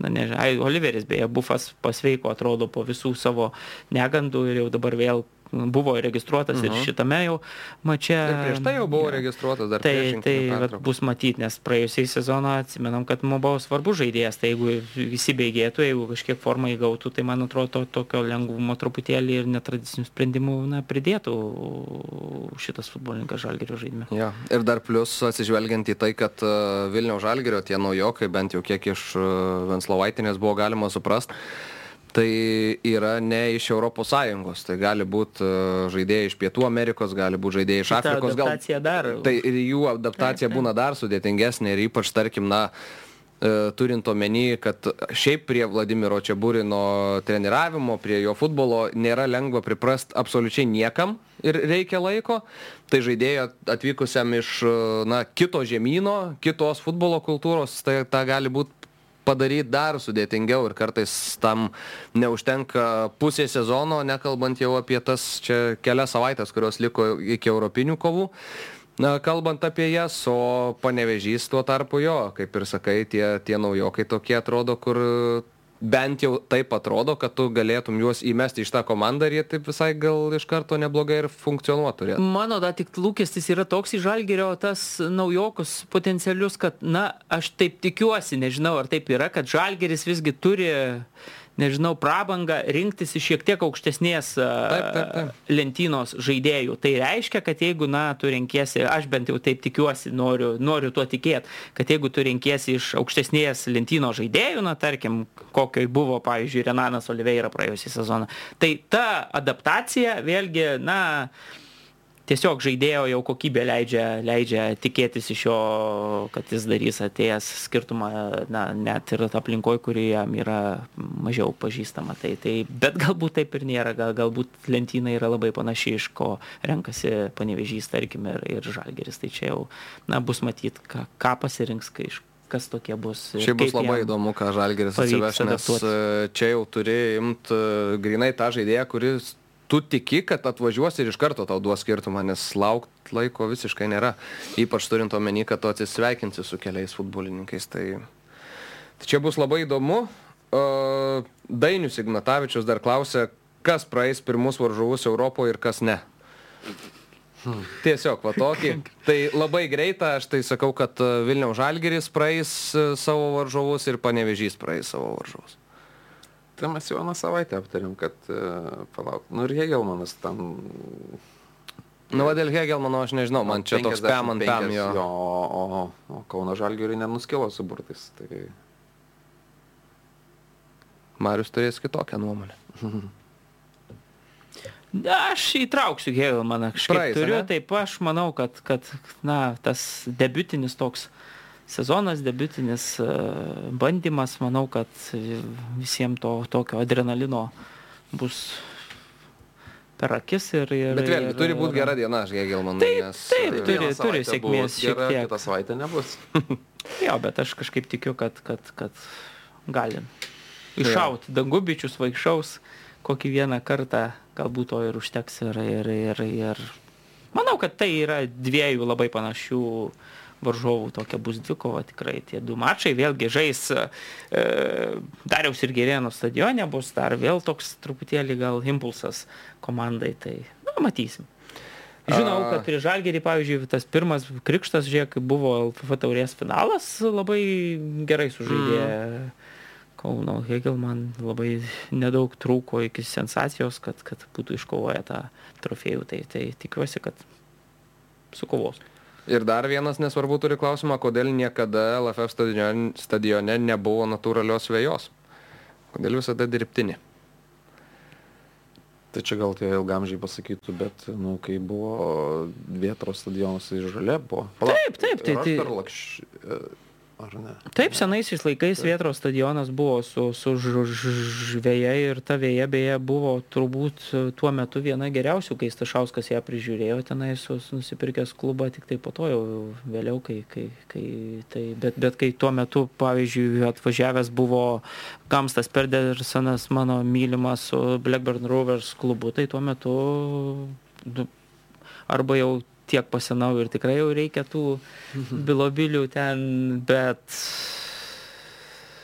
tam aš sakyčiau, kad tuo metu buvo natūrali vėja ir man atrodo tuo metu, kadangi viskas buvo privačiuose, sakykime, rankose, tai ta aikštė buvo kokybė jos viena geriausių Lietuvoje tuo metu, bet jeigu aš čia prapjoviau pro šoną. Tai... Taip, bet ir kai tą dangą paklojo, ta danga iš pradžių nebuvo, dabar kas ten yra, tai, tai jau viskas, viskas, viskas, jau dabar. Viskas, viskas, jau... viskas, aš nesuprantu, kaip ten A lyga gali žaisti, A lyga, tam prasme, ten, na, žodžiu, Nesi, Bet šiaip gal ir gerai, kad ten yra dirbtinė vėja, nes jeigu ten būtų natūrali ir jai reikėtų, na, sakykim, to atsigavimo periodų, dar kažko, tai net ir mėgiai neturėtumėm, kur mes žaisti. Taigi net kai buvo Vėtra, dalyvavo su, su Lenkais, kai, kai vyko tos riaušės. riaušės, taigi tenai irgi nebuvo kilimas, nes ten būtų kilimas visas išdegęs po visų mm. tų, čia, čia aš jau dabar taip, nu, neatsimenu, bet taigi ten buvo natūrali vėja. Tai čia ne, tai praeitį tikrai buvo, tai... bet kada tiksliai pasikeitė, tai nepamenu, bet tikrai buvo, tikrai žalia buvo. Gerai, Tomas Bartulevičius, e, galėtumėte apžvelgti dabar vykstantį Euro U21 čempionatą, labai jo nesidomėjau, bet, va, pavyzdžiui, galit papasakot galbūt daugiau apie kylančias žvaigždės ir į kuriuos ten gal reikėtų atkreipti daugiau dėmesio. Tai Mariau, tu labiausiai, man atrodo, sėki iš mūsų visų tą U21 Euro, tai gal galėtum šiek tiek e, Tomui papasakot. tai vyksta Rumunijoje ir, ir Sakartvelė šitas... A, ir dar buvo dar viena klausimo dalis, kaip jiem pavyko pasiruošti šitam visam ir kaip ten visas iš organizacinės. Gal? Jo, iš organizacinės pusės abi dvi šalys yra, iš viso 16 komandų dalyvauja jau, jau, jau kuris laikas. E, tai abi dvi šalys pasiūlė po keturis stadionus. Tai pavyzdžiui, Sakartvelė tai vyksta dviejose Tbilisio stadionuose, tada Batumi ir Kutaisi. Tai tikrai, na, reikia pasakyt kad e, sakartvelas pastaruoju metu infrastruktūrine prasme na tikrai yra didelį šuolį padaręs ir ir ten tikrai ir stadionai tie yra atnaujinti ir e, finalas beje šito viso turnyro vyks batumyje naujame stadione kuris dvidešimtais metais man atrodo jeigu gerai atsimenu e, pastatytas. Tai vat dvidešim tūkstančių tenai bet tikrai toks šiuolaikiškas įspūdingai atrodo tiek viduj tiek išorėje na ir ir dvi grupės žaidžiamos rumunijoj ir dvi va sakartvele rumunijoj vyksta bukarešte dviejos stadionuos jo rapido ir steaua. Ir kas įdomiausia kad klužas du stadionus šitam čempionatui yra paruošęs ir ir vienas tai cferas tas lošia klubas o kitas nežinau bet bet yra žodžiu kluže du stadionai tai va ir ir vyksta dvi grupės ten dvi grupės ten. Žaidžia sakyčiau kad pasiruošę yra neblogai abidvi šalys tiktai tiek kad susidaro įspūdis kad visgi na žiūrovų tai tai nepritraukia tie jaunimo renginiai. Jeigu pavyzdžiui sakartvelas na bent jau į namų rungtynes kur žaidžia šeimininkų komanda e, kol kas tikrai žaidžia labai sėkmingai bet gal apie tai vėliau pasakysiu tai tai prisirenka žiūrovų ir ypatingai po pirmųjų rungtynių kai jie nugalėjo portugalijos komanda netikėtai atidarymo rungtynėse du nulis beje laimėjo nors portugalai buvo geresnė komanda bet na puikiai išnaudojo savo galimybes e, sakartvelas įmušė du įvarčius ir ir vat gavosi taip kad iš karto iš tokių labai jėgos pozicijų pradėjo žaist šita komanda toj a grupėje na ir tada tu matai kad antrajame mače jau jau dar žiūrovų daugiau. Tikrai tas toks haipas jaučiamas ir antrose rungtynėse jie jie irgi labai sėkmingai sužaidė su belgais nors belgai vėl tikrai buvo geresnė komanda pirmavo ten du kartus jeigu gerai atsimenu bet viskas pasibaigė vėl rezultatu du du ir ir jeigu gerai pamenu turbūt kad du du ir ir dabar jie prieš paskutinį turą rungtynėse su su su su nyderlandais a grupėje turi keturis taškus ir pirmauja toj grupėj tai tai na bet toj grupėj visos komandos ten tikrai kova yra arši. Sakartvelas keturi taškai belgai du taškai su olandais ir portugalai vienas taškas ir paskutiniam ture nyderlandai žais su sakartvelu portugalai su belgais. Tai tai va tokia situacija. Jeigu taip į kitas grupes žvelgiant tai po dviejų sužaista po du turus jau jau visose keturiose grupėse ten yra A, B žaidžia vieną dieną, C, D vieną dieną, tada laisva diena ir tada vėl. Tai, tai, tai žodžiu, du turai jau sužaisti. Tai ispanai ir ukrainiečiai yra B grupėje iškovoję abi dvi e, pergalės e, prieš Kroatiją ir Rumuniją. Na ir, ir jau jos, e, šios dvi komandos yra užtikrinusios vietą ketvirtfinalyje, po šešis taškus turi jų varžovai po nulį prieš paskutinį turą. Na ir dar dvi komandos kurios yra užsitikrinę jau vietas po dviejų turų tai yra anglija c grupėje ir prancūzija d grupėje irgi abidvi laimėjo pirmuosius savo mačus. Tarp nuvylusių komandų bent jau mane na yra vokietija. Pirmose rungtynėse jie kaip vyrai taip ir jaunimas. E, Jo, bet pirmose rungtynėse jie tikrai žymiai geriau atrodė prieš Izraelį.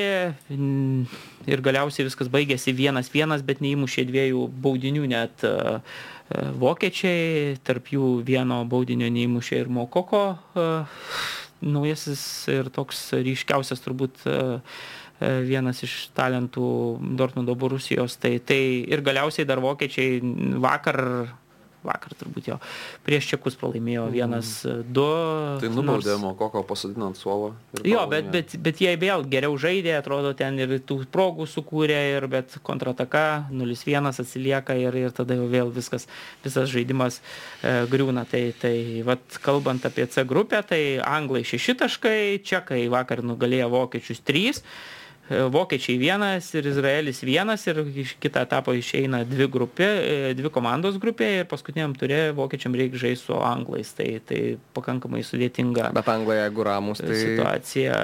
Na, iš vienos pusės taip jie ramus, bet iš kitos pusės šekai, na, prieš tokį potencialiai silpniausią grupės komandą Izraelį irgi, irgi turėtų turbūt savo argumentų ir labai tikėtina, kad šito šanso gali nepaleisti. Šiaip kalbant apie, pavyzdžiui, Izraelio futbolininkus, vėlgi nesiniai pasibaigęs pasaulio čempionatas buvo 20 mečių ir ten Izraelio komanda nužingsniavo iki pusfinalio ir, ir tikrai atrodo dabar va, 21 metų, jie žaidžia irgi finalinėme etape, tai tikrai galim tikėtis, kad po keleto metų, kai šita karta papildys nacionalinę komandą, tikrai Izraelis taip gali suspindėti tarptautinėje arenoje. Ukrainiečiai, pavyzdžiui, tikrai stebina, Mudrikas beje yra registruotas tarp, tarp tarp žaidėjų, bet kol kas nežaidė, bet Rotanio auklėtiniai nu, tikrai fantastiškai atrodo ir, ir mane stebina abi dvi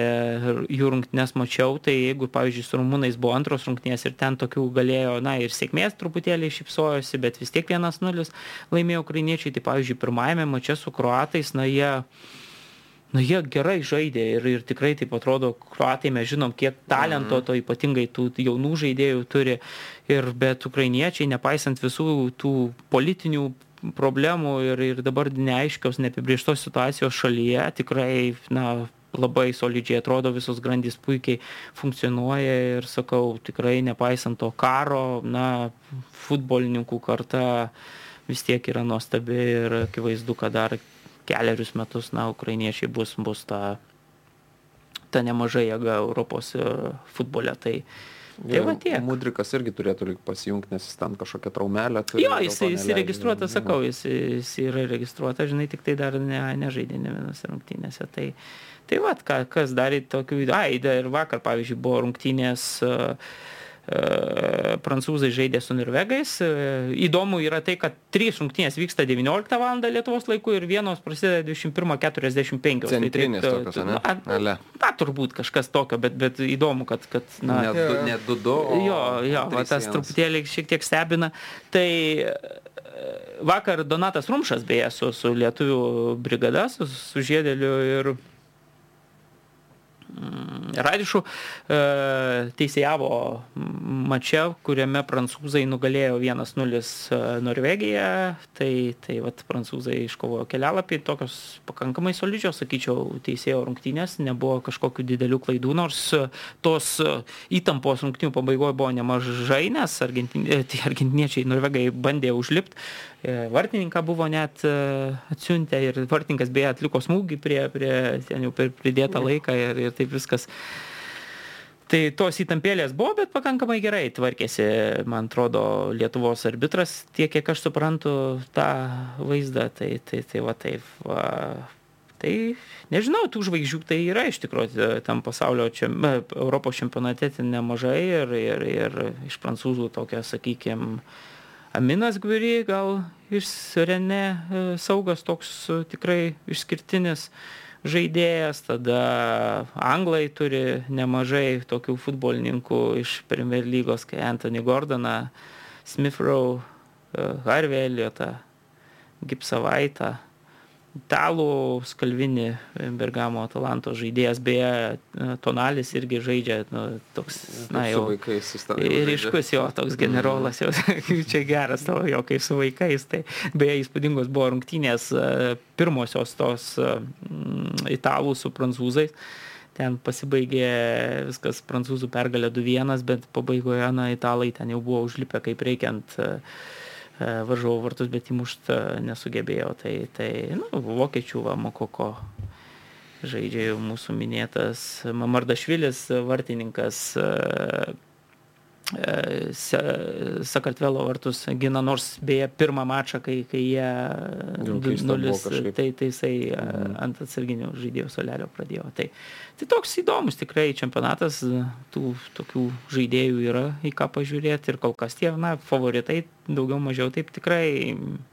Pavyzdžiui, belgai abi dvi rungtynės tikrai žaidė labai gerai sakyčiau, net ir geriau nei už savo varžovus. Pirmas rungtynės jie sužaidė su Niderlandais lygiosiamis, e, vienas vienas, jeigu gerai pamenu, antras, kaip minėjau, su Sakartvelu. Abiejose taip tikrai buvo geresnė komanda, progos geresnės, bet turi du taškus mm. kol kas. Tai, tai va toks truputėlį dabar žaisti prieš Portugalus, kur, na, paskutinį mačą, kur tikrai nėra lengva. Tai, tai, tai va tokia situacija.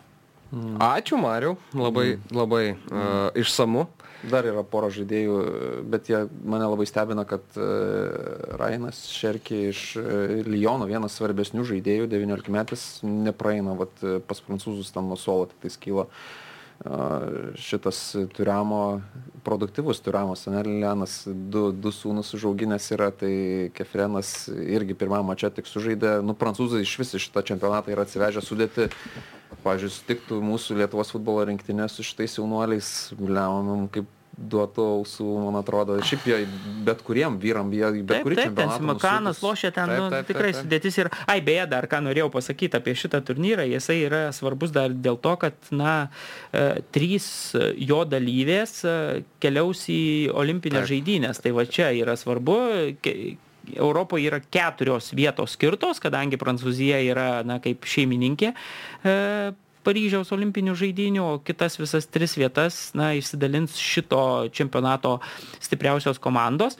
Tai įprastai pusfinalis tokiuose Europos žinom čempionatuose, nei suaugusių, nei, nei jaunimo mm, turnyruose nėra žaidžiamas, bet e, ne pusfinalis, dėl o dėl, mačas dėl trečios vietos jo. Bet šį kartą labai tikėtina, kad taip gali atsitikti, nes jeigu nepateks e, tarptų keturių komandų, sakykime, Prancūzija ir Anglija, kuri, na, žinom, kad Didžioji Britanija tik tai atstovauja olimpinėse žaidynėse, tai jeigu tarptų komandų atsi, na, bus dvi finalininkės iš šitų komandų nepateks kažkas ir dėl trečios, ketvirtos vietos tuose pusfinaliuose irgi bus komandos, kurios, na, potencialiai galėtų žaisti olimpiadoje, tai jos e, žais e, tą mačą dėl trečios vietos ir kartu dėl kelialapio į trečiojo dėl olimpinės, olimpinės žaidynės. Ja, tai Laurinas Miltenis klausė, ar pasveikinot e, Vacilė Kevičių su gimtadieniu ir jei ne, tai kodėl? Pasveikinai, Mariu? Ne, nepasveikinau. Bet e, beje, Vacys kažkuria čia netaip seniai, prieš kokį mėnesį gal laiko, mane į draugus pasikvietė. Tai, tai... Aktyvus šiai Facebook'e Vacys tai Lekevičius. E, Vacijų Lekevičių pakseptinau ir, ir... Labai aktyviai dalinosi visais e, antišvininiais postais Facebook'e, tuo visų hypo metu. Tai... Tai va tokie reikalai. Turim klausimų apie Saudo Arabijos reikalus. Tomas Kivaras ir Dainius Jonaitis vienas klausė, ar susidomėjimo Saudo Arabijos lyga pakils tiek, kad jau stebėsime transliacijas. Ir Dainius klausė, ką galvojate apskritai apie Saudo Arabijos lygą, jos žvejybą tam tuščiame telkinyje, ar neišsikreips pasaulinė rinka. Tai tikrai Saudo Arabija matom, kad mėto tuos tinklus ant gana ryškių žuvų ir Karimas Benzema, Angolo Kante, Mendy, Kul... Palane. Mendy dar nepatvirtintas. Bet tikėtina. Jo, žinai, matai, Rubenas e, Nevešas. Rubenas Nevešas. Jo, va, Rubenas Nevešas gal labiausiai netikėtas perėjimas. Nes, šitame, nes, nes jis... ne, nepasiekęs piko žaidėjas, ne? Jo, jo, tas, kuris žaidėjas dar galėtų aukti ir to žaidėjas, kurio ten norėjo ir gal tie didesni žaidėjai, bet uh, jis gal nustebino labiausiai, o kiti turbūt vyksta ten užsidirbti ir savo pavardės nusiveža tam, kad pareklamuotų tą čempionatą. O dar kitas dalykas, tai uh, agentams čia turbūt dabar yra rojaus e, metai ir rojaus sezonas, jeigu tu nori parduoti savo žaidėją ir kilstelt jo vertę, pavyzdžiui, arba pasikelti vien tik dėl kontrakto, tai tu labai lengva tau paskleisti žinę, kad čia Saudo Arabija domisi.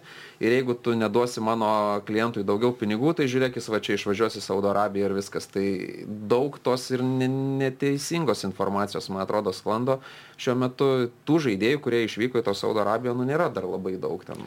Bet dabar dar Roberto Firmino yra kalbama, nu, kad nu, tai, aktyviai matai, kalbasi. kalbama. Aš dar kažkaip taip žiūriu atsargiai, kai jau viskas susidėlios ir pamatysim, kiek iš tikro ten nuvyko, tai tada galėsim įvertinti tą mastą. Dabar ten kiekvienas žaidėjas kam virš 30 ir kas Wikipedijoje turi ryškesnių laimėjimų, viskas siejama su Saudo Arabija. Tai nežinau, man atrodo, labai daug dar yra tų netikrų, labai dažnai tenka matyti kažkas, kažkoks ten Daily Mirror ar dar koks nors mažiau patikimas šaltinis skelbia, kad jau ten done deal ir tada koks Fabricio Romano rašo, kad ne, čia niekas čia nevyksta. Tai ja, va, ir, turbūt ir... reikia žinoti tuos šaltinius, kurie jau nu, neskelbia dažniausiai arba istoriškai tiesiog jau paskelbia gana patikrintus faktus, tai nesekti visko ir, ir, ir ramiau žiūrėti šitą situaciją, bet aišku, tiem futbolininkam, kurie ten nuvyksta, ten gauti tą šimtą milijonų ar ten dešimt milijonų, staiga į sąskaitą gal ir nėra blogai prieš karjeros pabaigą. Luka Modričius irgi buvo, esą, kalbinamas ir mm. šitą irgi skelbė daug kas, bet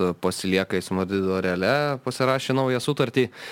Tai mm, tokia dviprasmiška, dviprasmiška situacija, kaip ir sakai, daugiausiai išvažiuoja tie, kurie jau yra uh, savo Europoje pažaidę, sakykim taip kurie važiuoja ten, na, tiesiog prisipildyti kišenės pinigų prieš karjeros pabaigą, va Rubino Nevešo, tas išvykimas tikrai toksai, kur atrodo žaidėjas dar galėjo duoti daug, Wolverhampton nepraleido berots še, šešis sezonus jis ir tikrai dar kylantis žaidėjas buvo ir praėjęs sezonas buvo tiesiog puikus, bet nusprendė, kad vis dėlto Saudo Arabijos tie milijonai yra galbūt vertingesni negu kažkoks didesnis ir skambesnis vardas Europoje iš kitos pusės kažkiek užsidirbęs dar galės grįžti, nebus dar toks ir senas. Ar žiūri, kam bus įdomus ten? Nu, mat klausimas jo, bet uh, manau, kad tos vėlgi vidutinės uh, komandos europinių mastų tokį žaidėją. Jo, bet kuris... dabar jisai buvo siejamas ne su vidutiniam, dabar Na, taip. didesnės nuo jo norėjo.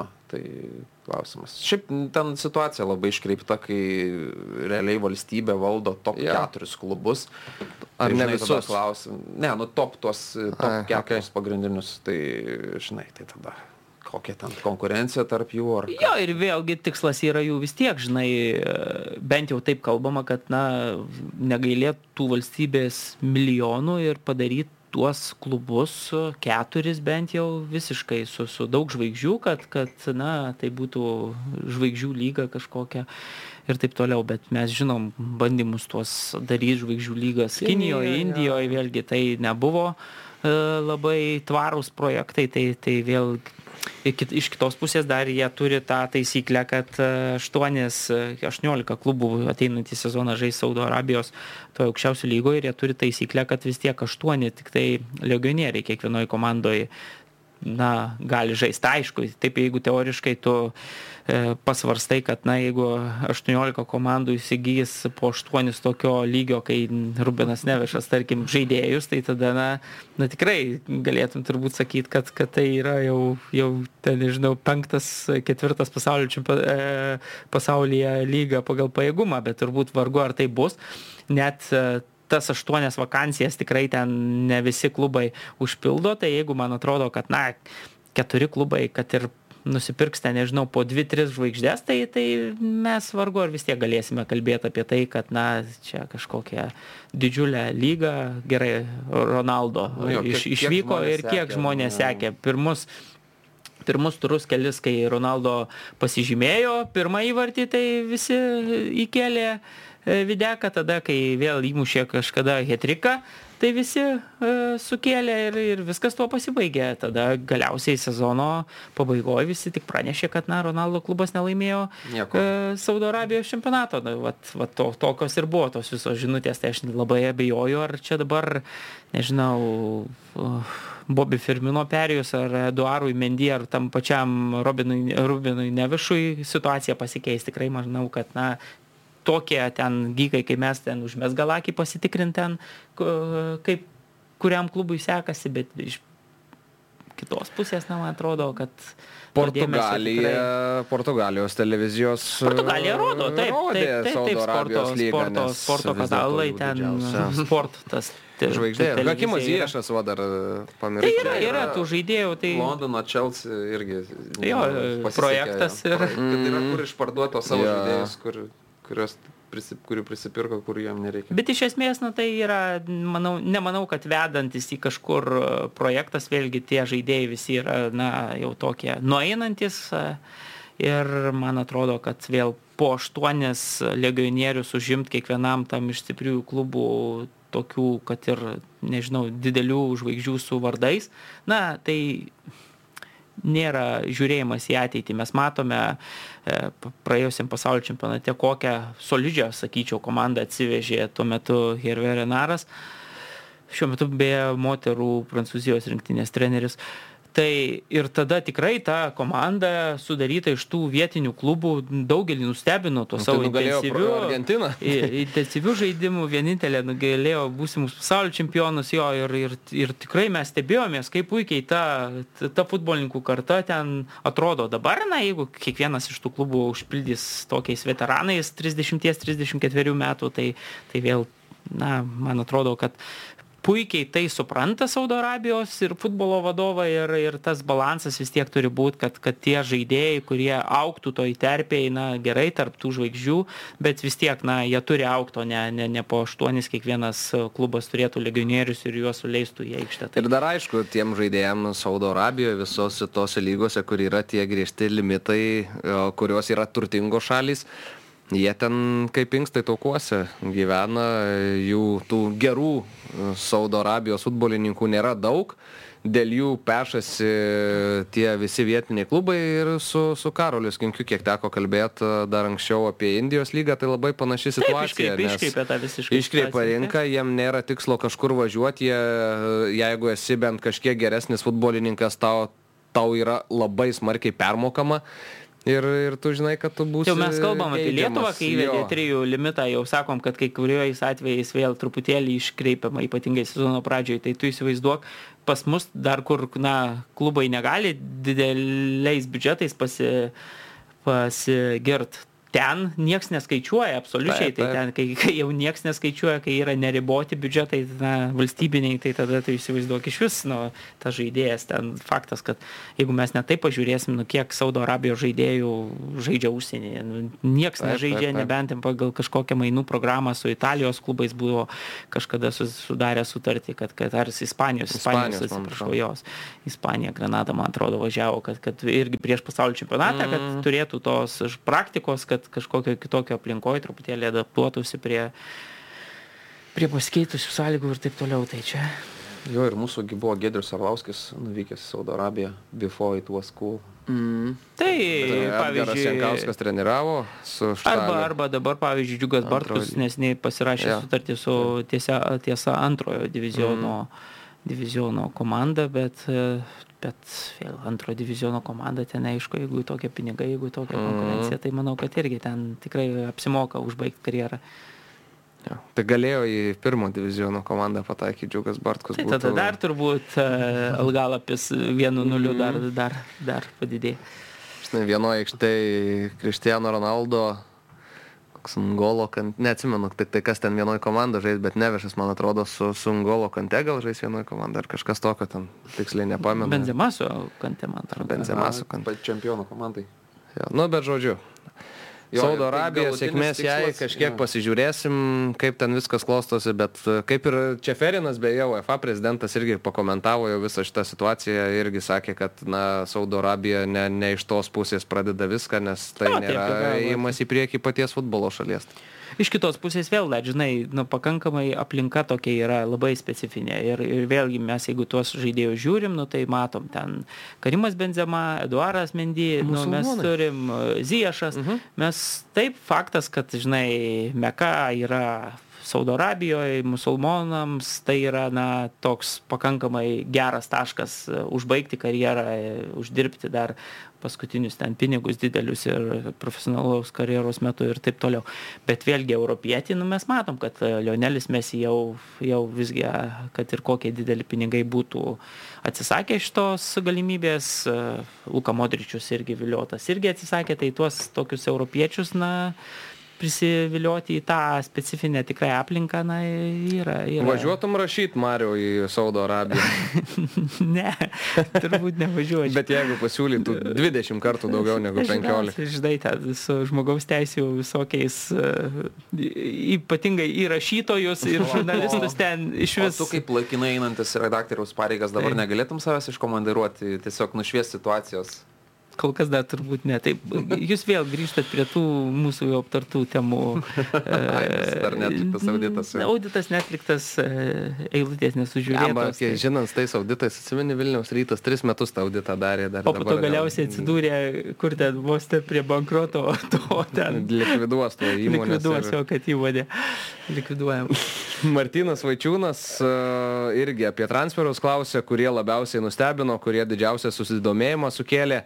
Ir kaip manot, kokių žaidėjų trūksta kai kuriem klubam, kad pagerintų savo pozicijas čempionatuose, tarkim Juventusas, Liverpoolis, Tottenhamas, Chelsea, Sevilla, Valencija ir taip toliau. Ir dar prideda, kaip manot, kur Mbappé nutūps, ar visgi kitais metais keliaus už dyką, tai gal nuo prancūzo pradedam, žinom, kad ne, ne, neaktyvavo to savo pliuso kontrakte ir kitą vasarą jeigu viskas taip ir prasitęs, taps laisvojų agentų, dabar jau Madrido realas esą ruošia kažkokius pasiūlymus, tokia miglota situacija, PSG vadovai, aišku, net labai norėtų uždyką paleisti Kiliano Mbapės kitą vasarą, jeigu jo sutartis taip ir baigtųsi e, kitą metą, tuomet jau po žiemos perėjimų lango jis galėtų susitarti iš esmės su nauju klubu, į kurį keltųsi uždyką, čia Madrido realų iš vis būtų kaip nu, nukristų iš dangaus, sakykim taip, tas Kilianas Mbappé, bet uh, galbūt dar ir šią vasarą pavyks sustart, uh, nori beros 200 milijonų su, su, su priedais. Uh, Paris Saint Germainas ar 250, tai pasižiūrėsim, kaip viskas bus, kaip jums atrodo, jau ir praėjusią vasarą čia buvo ta telenovelė dėl Kiliano. Uh, šią vasarą panašu į vėl atgyja, tai kokie jūsų būtų spėjimai liks Paryžiui, ar, ar išvyks, ar prasitęs galiausiai dar sutartį sezono metu, ar čia darybinė tokia pozicija užimta dabar labai gera. Man labai čia sudėtinga prognozuoti, kas čia bus, bet aš vis tiek manau, kad anksčiau ar vėliau vis tiek Madrido Realo turbūt marškinėlius užsivilks čia, kaip atrodo, na, parašyta žvaigždėse, aš labai sunkiai įsivaizduoju kažkur kitur besikeliantį e, Kilianą MBP. E, iš Paryžiaus.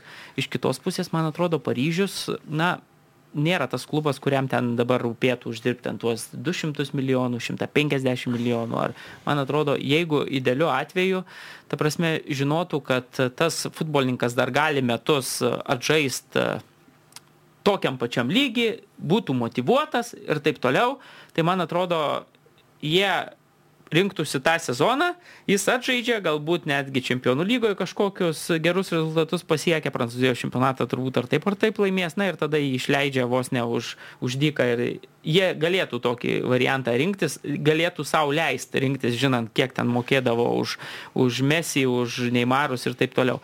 Iš kitos pusės, man atrodo, kad na toksai dalykas išsaugo žaidėją, kuris visiškai yra nemotivuotas, tai tu vėl ten rūbiniai neaišku, trin trintis ir taip toliau. Ir tada manau, kad nu tokį žaidėją turėti, na, vėžį kažkur ten rūbiniai, na, nėra, nėra išeitis ir nėra geras dalykas. Tai man atrodo, kad, na, tada tu, tu, tu galvoji, kad geriau turėti sveiką atmosferą toj rūbiniai, išleisti e, Kilianą, nes jau tai yra akivaizdu, kad, na, istorijos pabaiga jo ir Paryžiaus ir tada, na, dar kažkiek pinigų uždirbti ir ir tada už tuos pinigus ten, nežinau, nusipirkti kažkokiu mm, su didesnė motivacija žaidėjų. Tai aš, aš kažkaip įsivaizduoju, kad tik, turbūt tik toks, tik toks likimas, nes dabar turėti metam ten nepatenkintą vien tam, kad, na, atžaistų tą paskutinį savo sezoną, na, vėl toksai Ja, ja, aš sutinku, tik tai man piešėsi tas toks,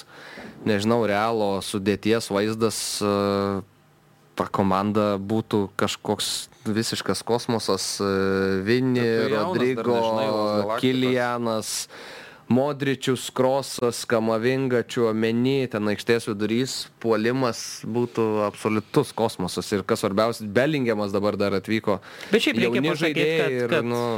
šita visa sudėtis, tu jeigu pažiūrėsi, kiek ten, pavyzdžiui, išleisdavo tie patys, na, Paryžius, tas pats e, Manchester City per visą šitą laiką ir kaip realas subūrė šitus, vat, tavo minėtų žaidėjus. Na gerai, dabar Belingiamą nusipirko už tikrai didžiulę, ja.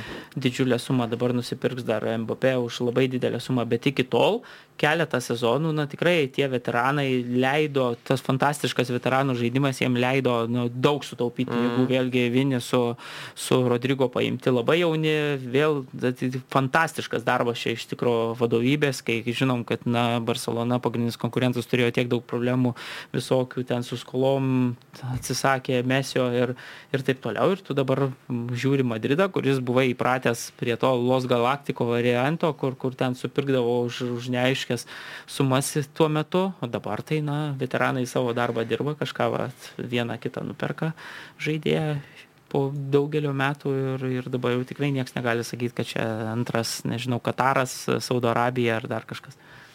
Jo, tai buvo klausimas, kam reikėtų ko, tai ir Chelsea paminėtas, tai Chelsea krašto saugų reikėtų dar keletos papildomai pridėti.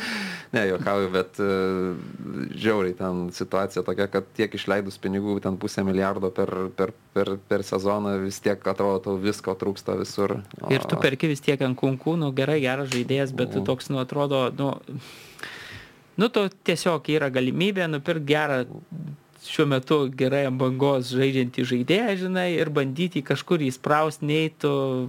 Taip, taip tu matai realas, kai, kai matai perka, nu tai jam reikia, išėjo benzema, tai jam reikia tos pozicijos ir jie nupirks ar Keina, ar, ar BP, bet tu matai, kad čia aiškus, aiškus taikinys, nu kaip Lietieris perka, jam to reikia, tai jisai žino, kur, žinai, perka, o Čelsis perka tiesiog, kad, na, yra, nuolaida kažkam, yra kažkam nuolaida, kažkas tas jau, ten, žinai, dar Vokietijoje žaidžia, nu tai, tai yra pigesnis automatiškai, nei kur nors reiktų pirkti iš iš ten to paties Anglijos klubo ar, ar Ispanijos, ten Barcelonos kokios nors. Tai tu, vat, imi, nes tiesiog. O vienas labiausiai nustebinusių, tai aną savaitę jau truputį užsiminiau, tai Kajus Havertzo turbūt perėjimas, nes realiai Londono arsenalas sumokėjo 65 milijonus už žaidėją, kuris bus į gilį komandos. Tai man atrodo, dabar gal pamatė jie, kad padarė klaidą tada tarps, e, kai vyko pasaulio čempionatas, kai tu turėjai progą matydamas situaciją, kad tu pirmauji čempionate, nusipirkti vieną kitą geresnį žaidėją ir eiti iki pabaigos ir galbūt laimėti čempionatą, bet kai ten nusipirko Žoržinijo, ten paėmė Trosarą, kurio Brightonas nenorėjo, tai mano nuomonė tada šansas buvo paleistas ir dabar pamatyta, kai vėl reikės kovoti ir čempionų lygoje, ir kad sudėty iškritus ten, kad ir Saliba iškrito ar ne, vidurio gynėjas ir kokios problemos prasideda komandai, kai tu turi holdingą leisti, nu, kuris tikrai netraukia to lygio. Tai dabar perka Kajų Havertzą už tikrai didžiulius pinigus ir realiai, taip žiūrit, nu jis ten Žezuso Martinėlio Saka turbūt nenukonkuruos, bet bus ta žaidėjas, kuris va, pridės, jeigu kažkas iškris, arba čempionų lyga, arba nu, reikės rotacijos truputį, tai eina jau tuo sičio keliu, kur ir suolas bus labai tvirtas ir, ir stiprus. Ir šiaip žaidėjas, nu, nėra toks blogas, kaip atrodė Chelsea komandai pastaruoju metu.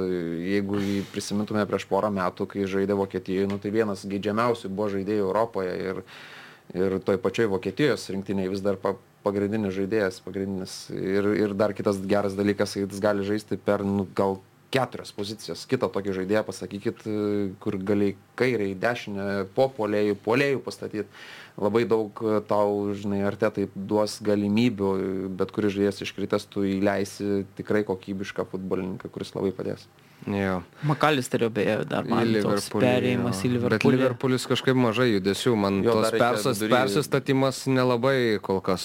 Bet ir šiaip, ką žinau, visa Liverpoolio stovykla pakankamai nemažai hypo yra su šitu perėjimu, taip jisai tikrai labai svarbus buvo Brightono žaidėjas, buvo ir Argentinos vienas lyderių pasaulio čempionate bet iš kitos pusės na man daug klaustukų yra kaip jam pavyks uh, toje aplinkoje. Aišku žinom kad na labai nedaug uh, perėjimų pas klopą na buvo tokių kurie ten sudegė. Gerai buvo vienas kitas bet šiaip uh, na kokie du trečdaliai turbūt tų pirkinių vis tiek žino ką perka kaip perka ir ir tas žaidėjas toks, na, nėra kažkoks labai toks ryškus veidas, bet akivaizdu, kad klopas, na, perka žaidėjas savo sistemą ir, ir, ir bus matyti, kaip, kaip, šiaip, kaip žaidėjas, kaip Raitonė atrodė, tai man labai patiko, bet, bet kaip toj, na, su tais žymiai sunkesniais marškinėliais jam seksis lakstyti, e, tai, tai bus įdomu pamatyti. O kur Keinas eis? Nežinau.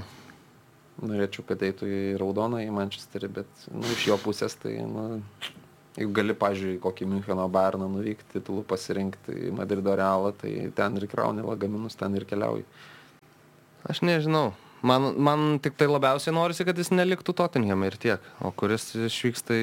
Ne, nu matai, žinai, Širerio rekordas pats nepasigerins. Tas irgi yra. Šiaip dar man įdomus tas uh, Mansičio uh, besitarimas su Joško Guardiolu, jau esą sutart, sutartos visos asmeninės sąlygos yra. Tik tiek, kad Leipzigas nori 100 milijonų, o Mansitis nelabai nori 100 milijonų mokėti. Jeigu sumokėtų, tai būtų pats brangiausias istorijų gynėjas.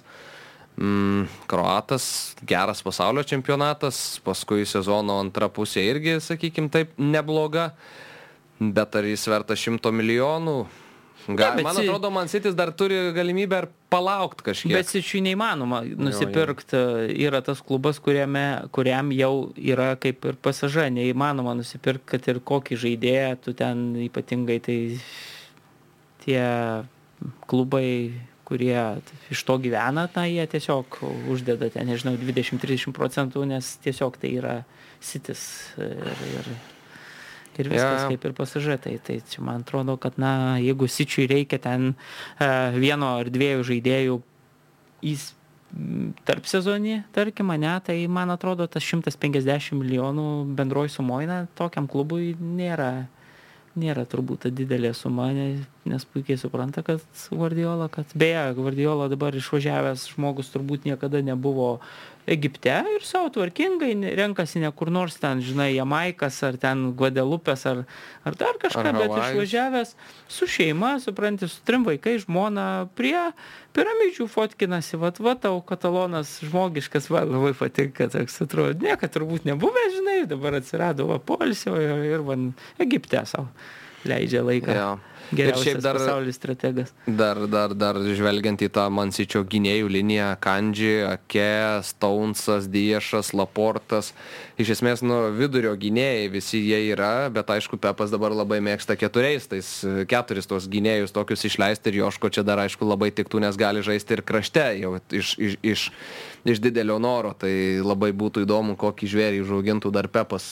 Jo, ir jis, žinai, va, jis mato, jau jis perka universalų žaidėją, ja, ja, o dar ja. žinant, kaip, na, nu, aišku, pas Pepą turbūt visi dabar jau, taip, jeigu pažiūrėsi, jis jau, jeigu, na, vienos aiškios pozicijos turbūt žaidėjas, na, turbūt tik tai Holandas gali, gali jau toks žvėris būti nupirktas, ne vienos, visi kiti ten turi daugiau galėti nei, nei tik tai, jeigu krašto gynėjas, tai turi funkcijų. Taip, taip žymiai daugiau. Nerijus Juodis dar klausė, taip niekad ir neatsakėt. Krasnickas tą keistą žaidėjų ir komandų statistiką pats renka ar traukia iš interneto. Tai visų pirma, nelabai suprantu apie kokią statistiką.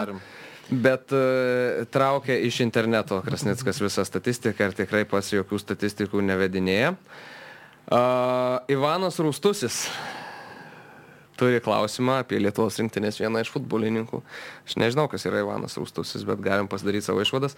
Klausimas diskusijai, per kurią vietą daugelis žmonių išvelgia Beno Šatkaus talentą, nors lengva kalbėti po fakto, kai žaidėjas murgdosi lygos apačios komandoje. Tačiau ar jo žaidimas rinktinėje nebuvo tiesiog agentų žaidimai? Žmogus Vokietijoje žaidimo laiko negaudavo visiškai, o rinktinėje starto žaidėjas, bet daugelis tinklalaidėse matė jo potencialą. Ar galime teikti, kad klydome, jog šis žaidėjas yra talentingas? Kaip jūs į tokį pamastymą reaguojat? Nu, žinai, čia yra dvi pusės įmesk, bet kurį žaidėją, žinai, šalia prastesnių komandos draugų jo lygis irgi pakrenta, mes šalia geresnių gal kilsteli, tai nu, dabar žiūrint į šią situaciją atrodo, kad nu, tikrai ta karjera žemyn yra pasukus. Ir gal buvo kažkiek bandoma pritemti, traukiant į rinktinę, bet tuo metu ta situacija tokia rinktiniai buvo, kad tų gynėjų ten nu, trūko e, vidurio. Dabar gal kažkaip atrodo, kad ir Girtvainis ten toks jisai solidžiai žaidžia vienu metu, gal buvo tokia. Kipras. Kipras atsirado.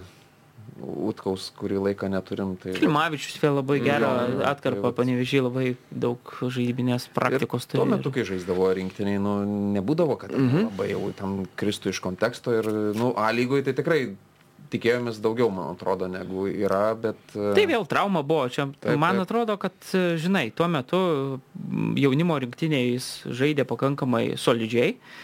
Tada natūrali, jeigu jau čia kalbėjo apie kažkokį jauninimą ir taip toliau rinktinės e, prieš tai buvę treneriai, tai tada natūrali tokia atrodo seka, kad tie žaidėjai, tos rinktinės lyderiai ten kažkokie yra pabandomi bent jau nacionaliniai komandai. Na ir, ir vėl, tuo metu Nürnberge priklausė tai sistemai, tai vėl tu, tu įmi žaidėją iš, na, vis tiek didelio klubo, e, patikrintą vėl žaidėją, aš jeigu tai pažiūrėsiu, žinai, tu, tu jeigu tu žiūri, na, į mūsų tuos e, tokius ryškiausius čia kelių pastarųjų metų talentus, nu, tai tu vis tiek turi ten, tarkim, utkų, turi šatkų, turi gvidą dabar, ne? Tu tai pasižiūri ir tu matai, kad jie vis tiek vieną tokį turi bendrą vardiklį, tą savo tokį laibumą, tokį fiziškumą, kur, na, tu jeigu turi tokį, pavyzdžiui, žaidėją, labai jauną, tokių duomenų, va taip, va, ilgom kojom ten, augalotą, aukštą tokį, ne? Tada būdamas tu tokio klubo kaip ten Turinas ar Nürnbergas ar, ar, ar, ar, ar Utkaus atveju Monakas, tu perki tokį jauną talentą, kuris, na aišku, jeigu matai jame gabumų, ir jau tada pagal tuos fizinius duomenis bandai iš jo, na, nulipdyti žaidėją. Kai kuriais atvejais pavyksta, kai kuriais atvejais nepavyksta. Na, mūsų, mūsų tarkim, lygyje, manau, kad su Utkum uh, tikrai labai neblogai pavyko, lygiai taip pat pavyko, akivaizdu, kad ir su Gvidu ypatingai dabar, kai atsidūrė tokioje labai geroje aplinkoje. Na, su Šatkum galbūt, na, to tokio proveržio, sakykime, ir nebuvo. Jis ten buvo tos antros Nürnbergo komandos kapitonu, bet, bet taip ir na, to, tokio žingsnio į priekį nepadarė ir, ir galiausiai ne, netapo pagrindinės komandos žaidėjų. Tai čia, na, sunku pasakyti, bet vėlgi grįžęs į tuos pačius e, gimtuosius garždus, na, jisai nepasakyčiau, kad čia iškrenta iš konteksto ir jeigu tos žaidybinės praktikos, sakykime, turėtų daugiau, jeigu tokį girdvainį nuleidė dabar į, į tą garždų bangą, tai, tai lygiai tas pats e, labai panaši turbūt situacija, žinai, būtų. Tai, tai čia... Mm, nemanau, kad jisai blogo lygio žaidėjas, tiesiog e, galbūt tuo metu taip, na, su, su, sukrito aplinkybės, vėlgi tų mačų rinktinė irgi nebuvo tiek, e, tiek e, prastų ten. Taip, taip, taip, jisai nekrito iš konteksto rinktinė žaisdamas ir dabar man atrodo, kad jam svarbu būti sveikam, pabaigs, pabaigs šitą sezoną ir, ir laukti, kol kur pasisuks karjera toliau, nes aš nebejoju, kad jis gali žaisti e, A lygoje, bent jau tikrai pirmo ketverto komandose, galbūt Vilniaus Žalgirį ten tos pozicijos yra užrakintos ir Žalgiris retai kada taip, taip. tuos jaunus žaidėjus, bet e, Kauno Žalgiris, pavyzdžiui, man atrodo, turint omeny Marius Tankievičių ir kad jam reikia tų tokių jaunų alkanų lietuvių, kad jis juos, na, mėgsta ir nori jų turėti savo komandoje, tai man atrodo, kad irgi ta kita tokia logiška galbūt karjeros statelė ir būtų. Gal tapsiu pranašu, gal ir nusišnekėjau, nežinau, bet, na, man atrodo, kad tikrai ne laikas ir dar tikrai nereikia kalbėti apie tai, kad Šatkus ten buvo kažkada labai pervertintas, ne, nepamenu, kad kažkas o dabar jau buvo sugriuvo dabar, ir, ir visiškai. Net, nemanau, žemyn, kad jis tai... tada buvo labai jau išaukštintas, nes nepamenu, kad kažkas kalbėtų, kad čia siūsim tuo išratkų į top 5 lygas Europoje. Dabar nemanau, kad reikia jį kažkur ten labai žemai numest, nes ateityje ir toj pačioj rinktinėje vis tiek ir Klimavičius, ir Girdvainis e, ne jaunin, po, po kažkiek metų, man atrodo, šatkus ten, ten bus. Tai. Toks reikalas, e, Karolis e, Brandišauskas klausė, ar yra savivaldybių ir privačių iniciatyvų, kurios ketina atnaujinti ar statyti stadionus Lietuvoje, tai čia galim trumpai paminėti, kad Klaipėda kažką statosi dabar šiuo metu, panevežys. Yra tokių planų. Hegelmanas statosi. Hegelmanas statos, statosi savo bazę, jo, tai, tai turėtų tą infrastruktūrą pa, pažengti į priekį ir Edgaras Tankievičius kalbėjo apie tai. Transinvestas beje statosi savo status. rajone. Tai, ja. tai, tai ir žinant, kad ta komanda dabar, sakyčiau, dabar užtikrintai beveik mm. pirmauja pirmoje lygoje, tai bus toks įdomus tikrai vardas kitą sezoną, manau. Jo. Prasilenkiam kaip tik vat, su Barevičiais, ten su Transinvesto, nes e, aš sūnų pasiemu, jie ateina į treniruotę, tai vis sakau, tai laimėsi, teisite ją lygą, nekvaršink galvos, neužkalbėk čia dantų žodžiu, tyliai ramiai dirba ir tikisi vis. Jo, bet jau dabar jau ten penki taškai, man atrodo, Keturi. dabar stipriai savaitgalį buvo prieš e, Bijoną uh mhm. e, svečiuose laimėjo, beje, galvojau, nuvyksiu į dviejas rungtynės, Hegelmanas buvo su, su, su Dainava ir po to po keturių valandų, man atrodo, tai pačioje treniruočių ten aikštynė tam vyko jau šitos rungtynės, bet galiausiai ten Užpjovai žolę. Ne, dar, dar nebuvau įsibėgėjęs stadiją taip gerai, kad galėčiau. Tai, tai užtruko viskas. Nes pirmą valandą, kiek mano žaidė, Mhm. tai, tai, Taip, taip, taip, labai anksti. Toks ankstokas laikas. Danielius Itelis turi irgi keletą klausimų. Ar, išliks, ar, iš, ar išliktų riterių klubas kaip toks iš vis, jeigu iškristų iš A lygos ar investuotų į toliau pinigus verslininkas, tai man atrodo, kad riteriai galiausiai vis tiek neiškris iš A lygos, bet jeigu iškristų, tai man atrodo, kad su, su, susviruotų šito klubo. Bet aš šiandien šiaip rašydama, žinai, vat, tą turnyro lentelę savo taškus, tai pažiūrėjau, kad 14 taškų turi riteriai, 11 turi džiugas ir jeigu tai pažiūrėsi, tad džiugas man futbolą, kokį žaidžia šiuo metu, atrodo, Smagiau, kad yra, geresnį futbolą, tiek kiek aš suprantu, žaidžia ta komanda, tai taip jai nesiseka, jinai pralaimi dar vis dažniau nei, nei riteriai, bet, bet atrodo, kad labai grėsmingai tai yra dešimtoji pozicija riteriam. Ir tada tokiu atveju, na blemba vis tiek, A lygos prezidentas, įdomu, kaip čia tada reiktų ir prezidento turbūt naujo lygo ir žinant, kaip dabar į, tuos batus įsimuistęs yra, e, tarkime, LFF koridorius visus, ten Janas Nevoina, kaip sutarė su, su tom viršūnėlėm Lietuvos futbolo federacijos, tai čia toks būtų, na, man atrodo, keistokas dalykas ir būtų įdomių judesių, bet, bet tą sunkiai aš irgi įsivaizduoju, kad taip gali būti, bet, bet akivaizdžiai, kaip sako, kas čia palauk dabar girdėjau, sako, skaičiai nemeluoja, tai vat skaičiai. Jo, Jo, žiūrint į telšių džiugą, pažiūrėjau, nu jie investuoja į žaidėjus, jaunus, Motėjų burbą tą patį, ar ne? Tai jisai tiek daug ten to pavojaus kelia priekyje, tik nu įmušti nepavyksta, bet, bet nu matai, jaunas žaidėjas iš pradžių tą tau ir duoda, to tokį chaosą, kažkokį nestabilumą, žinai. Ne, bet čia mes ką geriam džiugą, tai sakom, jo. kad yra sistema, yra, mes matom braižą komandos, matom. ir, ir prieš tą patį žalgerį. Aš norėjau Matom pratęsą. e, Nebuvo blogi. Trečiam, ketvirtam rate gali pradėti įmušt ir jeigu Nu, taip, džiugas taip, pradės taip, rinkti taip. taškus, o riteriai, nu, ten atrodo, kad kažkaip žemyn. Tai dar dabar, nu, vėl raiščiai e, tam išganytojui, ne? Visolai, tai. Tai visi irgi, visos kupių, visi žetonai buvo sustumti į tą Jo, sudėtingas labai sezonas ir, ir, ir nu, aš nežinau, čia ta... Žinai, būtų apmaudžiausia, kad vis tiek žmogus, kuris e, didelius pinigus lietuviškam kontekste ypatingai merkia į Lietuvos futbolą, mm. taip e, galiausiai po tokio, na, po tokio vieno tikrai labai nevykusio sezono galiausiai ten išmestų į pirmą lygą ir tada, žinai, numotų ranką ir sakytų, ai man e, neįdomu, nepasiteisino, pažaidžiau jau tą žaidimą ir dabar einu toliau pardavinėti ten dujų ar degalų. Tai va čia toks būtų truputėlį apmaudžiausia, kad, kad vis tiek nemaža dalis iš jo ateina į lietuvišką futbolą, įpilama tų pinigų, tai, tai būtų apmaudu prarasta, aišku. Jo.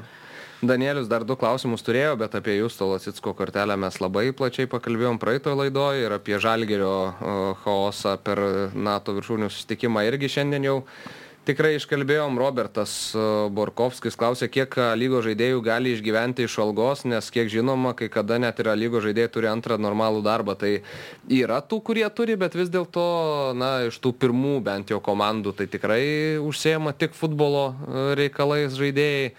Iš apatinių komandų yra tekę girdėti, kad e, vienas kitas turi dar tokių šoninių, sakykime, veiklų, tai kai kurie gali, kai, kai kurie nelabai. Jo, bet profesionalumas lygos tikrai yra pakilęs, tam, kur būdavo prieš, nežinau, dešimtmetį kokį ten tos komandos atsi, susikurdavo ir išnykdavo, nu, dabar situacija tikrai yra tvarkingesnė ir geresnė ir tiem patiems žaidėjams geriau. Ir dar matai, yra kitokia truputėlį situacija, jeigu, pavyzdžiui, paimi tokį, nu, at, šetkų baigusi karjerą, ne? Ir tenai jisai, žinai, irgi, nu, tikrai jau, jau jo profesionalumu niekas nebejoja ir taip toliau, bet jeigu jam yra kažkoks, na, pomėgis tuos savo uždirbtus pinigus ten kažkur investuoti, kažkokią yeah. veiklą vykdyti nuo, nu, nuo laisvų laikų, nuo, nuo, tai jis ten irgi pasakoja dabar, kad jis užsiema ten verslu, automobilių kažką. Vežioja, jo, Vežioja. Nu, tai, tai man Naujus, atrodo, man kad jis ta, tuos darbus jau puikiai galėjo dirbti net iš savo Izraelio. Tai ten darė, kiek supratau, jo. Laisvų laikų ir, ir, žinai, čia na, nėra toks, kad tu darai tą veiklą tam, kad užsidirbtum, na, pinigai yra tavo pagrindinis ten, sakykime, tas akstinas, dėl ko tu, tu darai. Ne, man atrodo, kad... Na, bet žinai, tokių... vienas yra kiek šetkus uždirbęs, ne, tai taip, taip, taip, taip, taip, taip. Bet jeigu kalbant apie tuos, pavyzdžiui, kur tu sakėjai... yra. Jo, bet apie tuos, nu, stipriausių klubų, sakykime, žaidėjus, tai galbūt iš jų ten, nežinau, nu, tarkim, koks kuklys, ne, ten atlyginimas tikrai yra nemažas lietuviškos lygos kontekste kontekste. Nekuklus.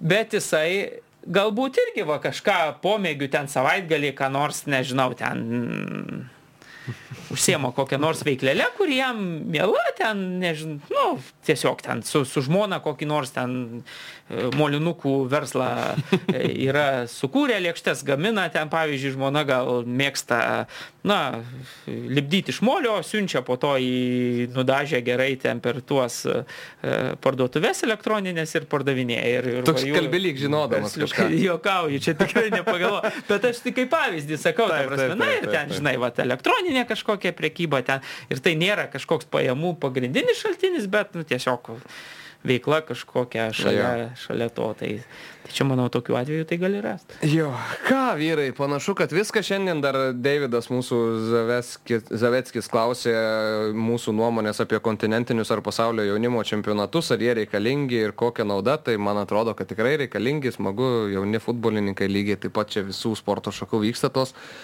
jaunimo tie turnyrai ir... Tai čia ir faktas, ta prasme, čia... Ir jie, a, ypač futbolo tai yra... yra kaip turgus ten... Nu, nu, bet ir šiaip yra ir kontinentiniai, taip, tai ta prasme, taip, taip. tai jeigu tu pažiūrėsi net, nežinau, Europos čempionatas irgi yra nu. kontinentinis, tai jeigu Europos čempionatas čia toks, biškai, ne, truputį naubraineris yra iš vienos pusės, iš kitos pusės dar norėčiau pasakyti apie kontinentinius turnyrus, kad vat, savaitgalį prasidėjo uh, CONCACAF Gold Cup turnyras, irgi su 16 komandų ir ten Šiaurės Amerikos ir Centrinės Amerikos bei Karibų baseino 16 stipriausių komandų dabar kovoja Junktinėse Amerikos valstijose 15 miestų ir 16 Toronte dėl trofėjaus 17 kartą turnyras, taip aukso taurė. Beje, pirmose rungtynėse JAV 1-1 tik tai sužaidė lygiosiamis su Jamaikos taip.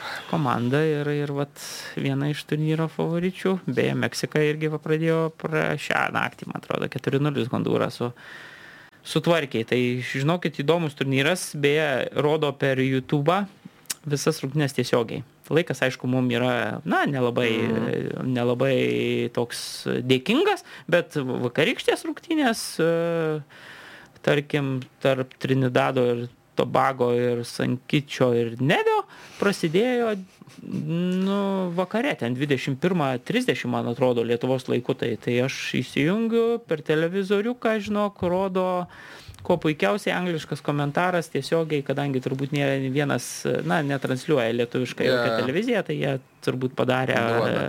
regioninį tą locationą, žinai, užstatę, kad, kad gali žiūrėti ir, ir visi mačai yra tiesiogiai, įrašai po to gali pasižiūrėti. Tai, tai įdomus reikalas visai man pradžioj.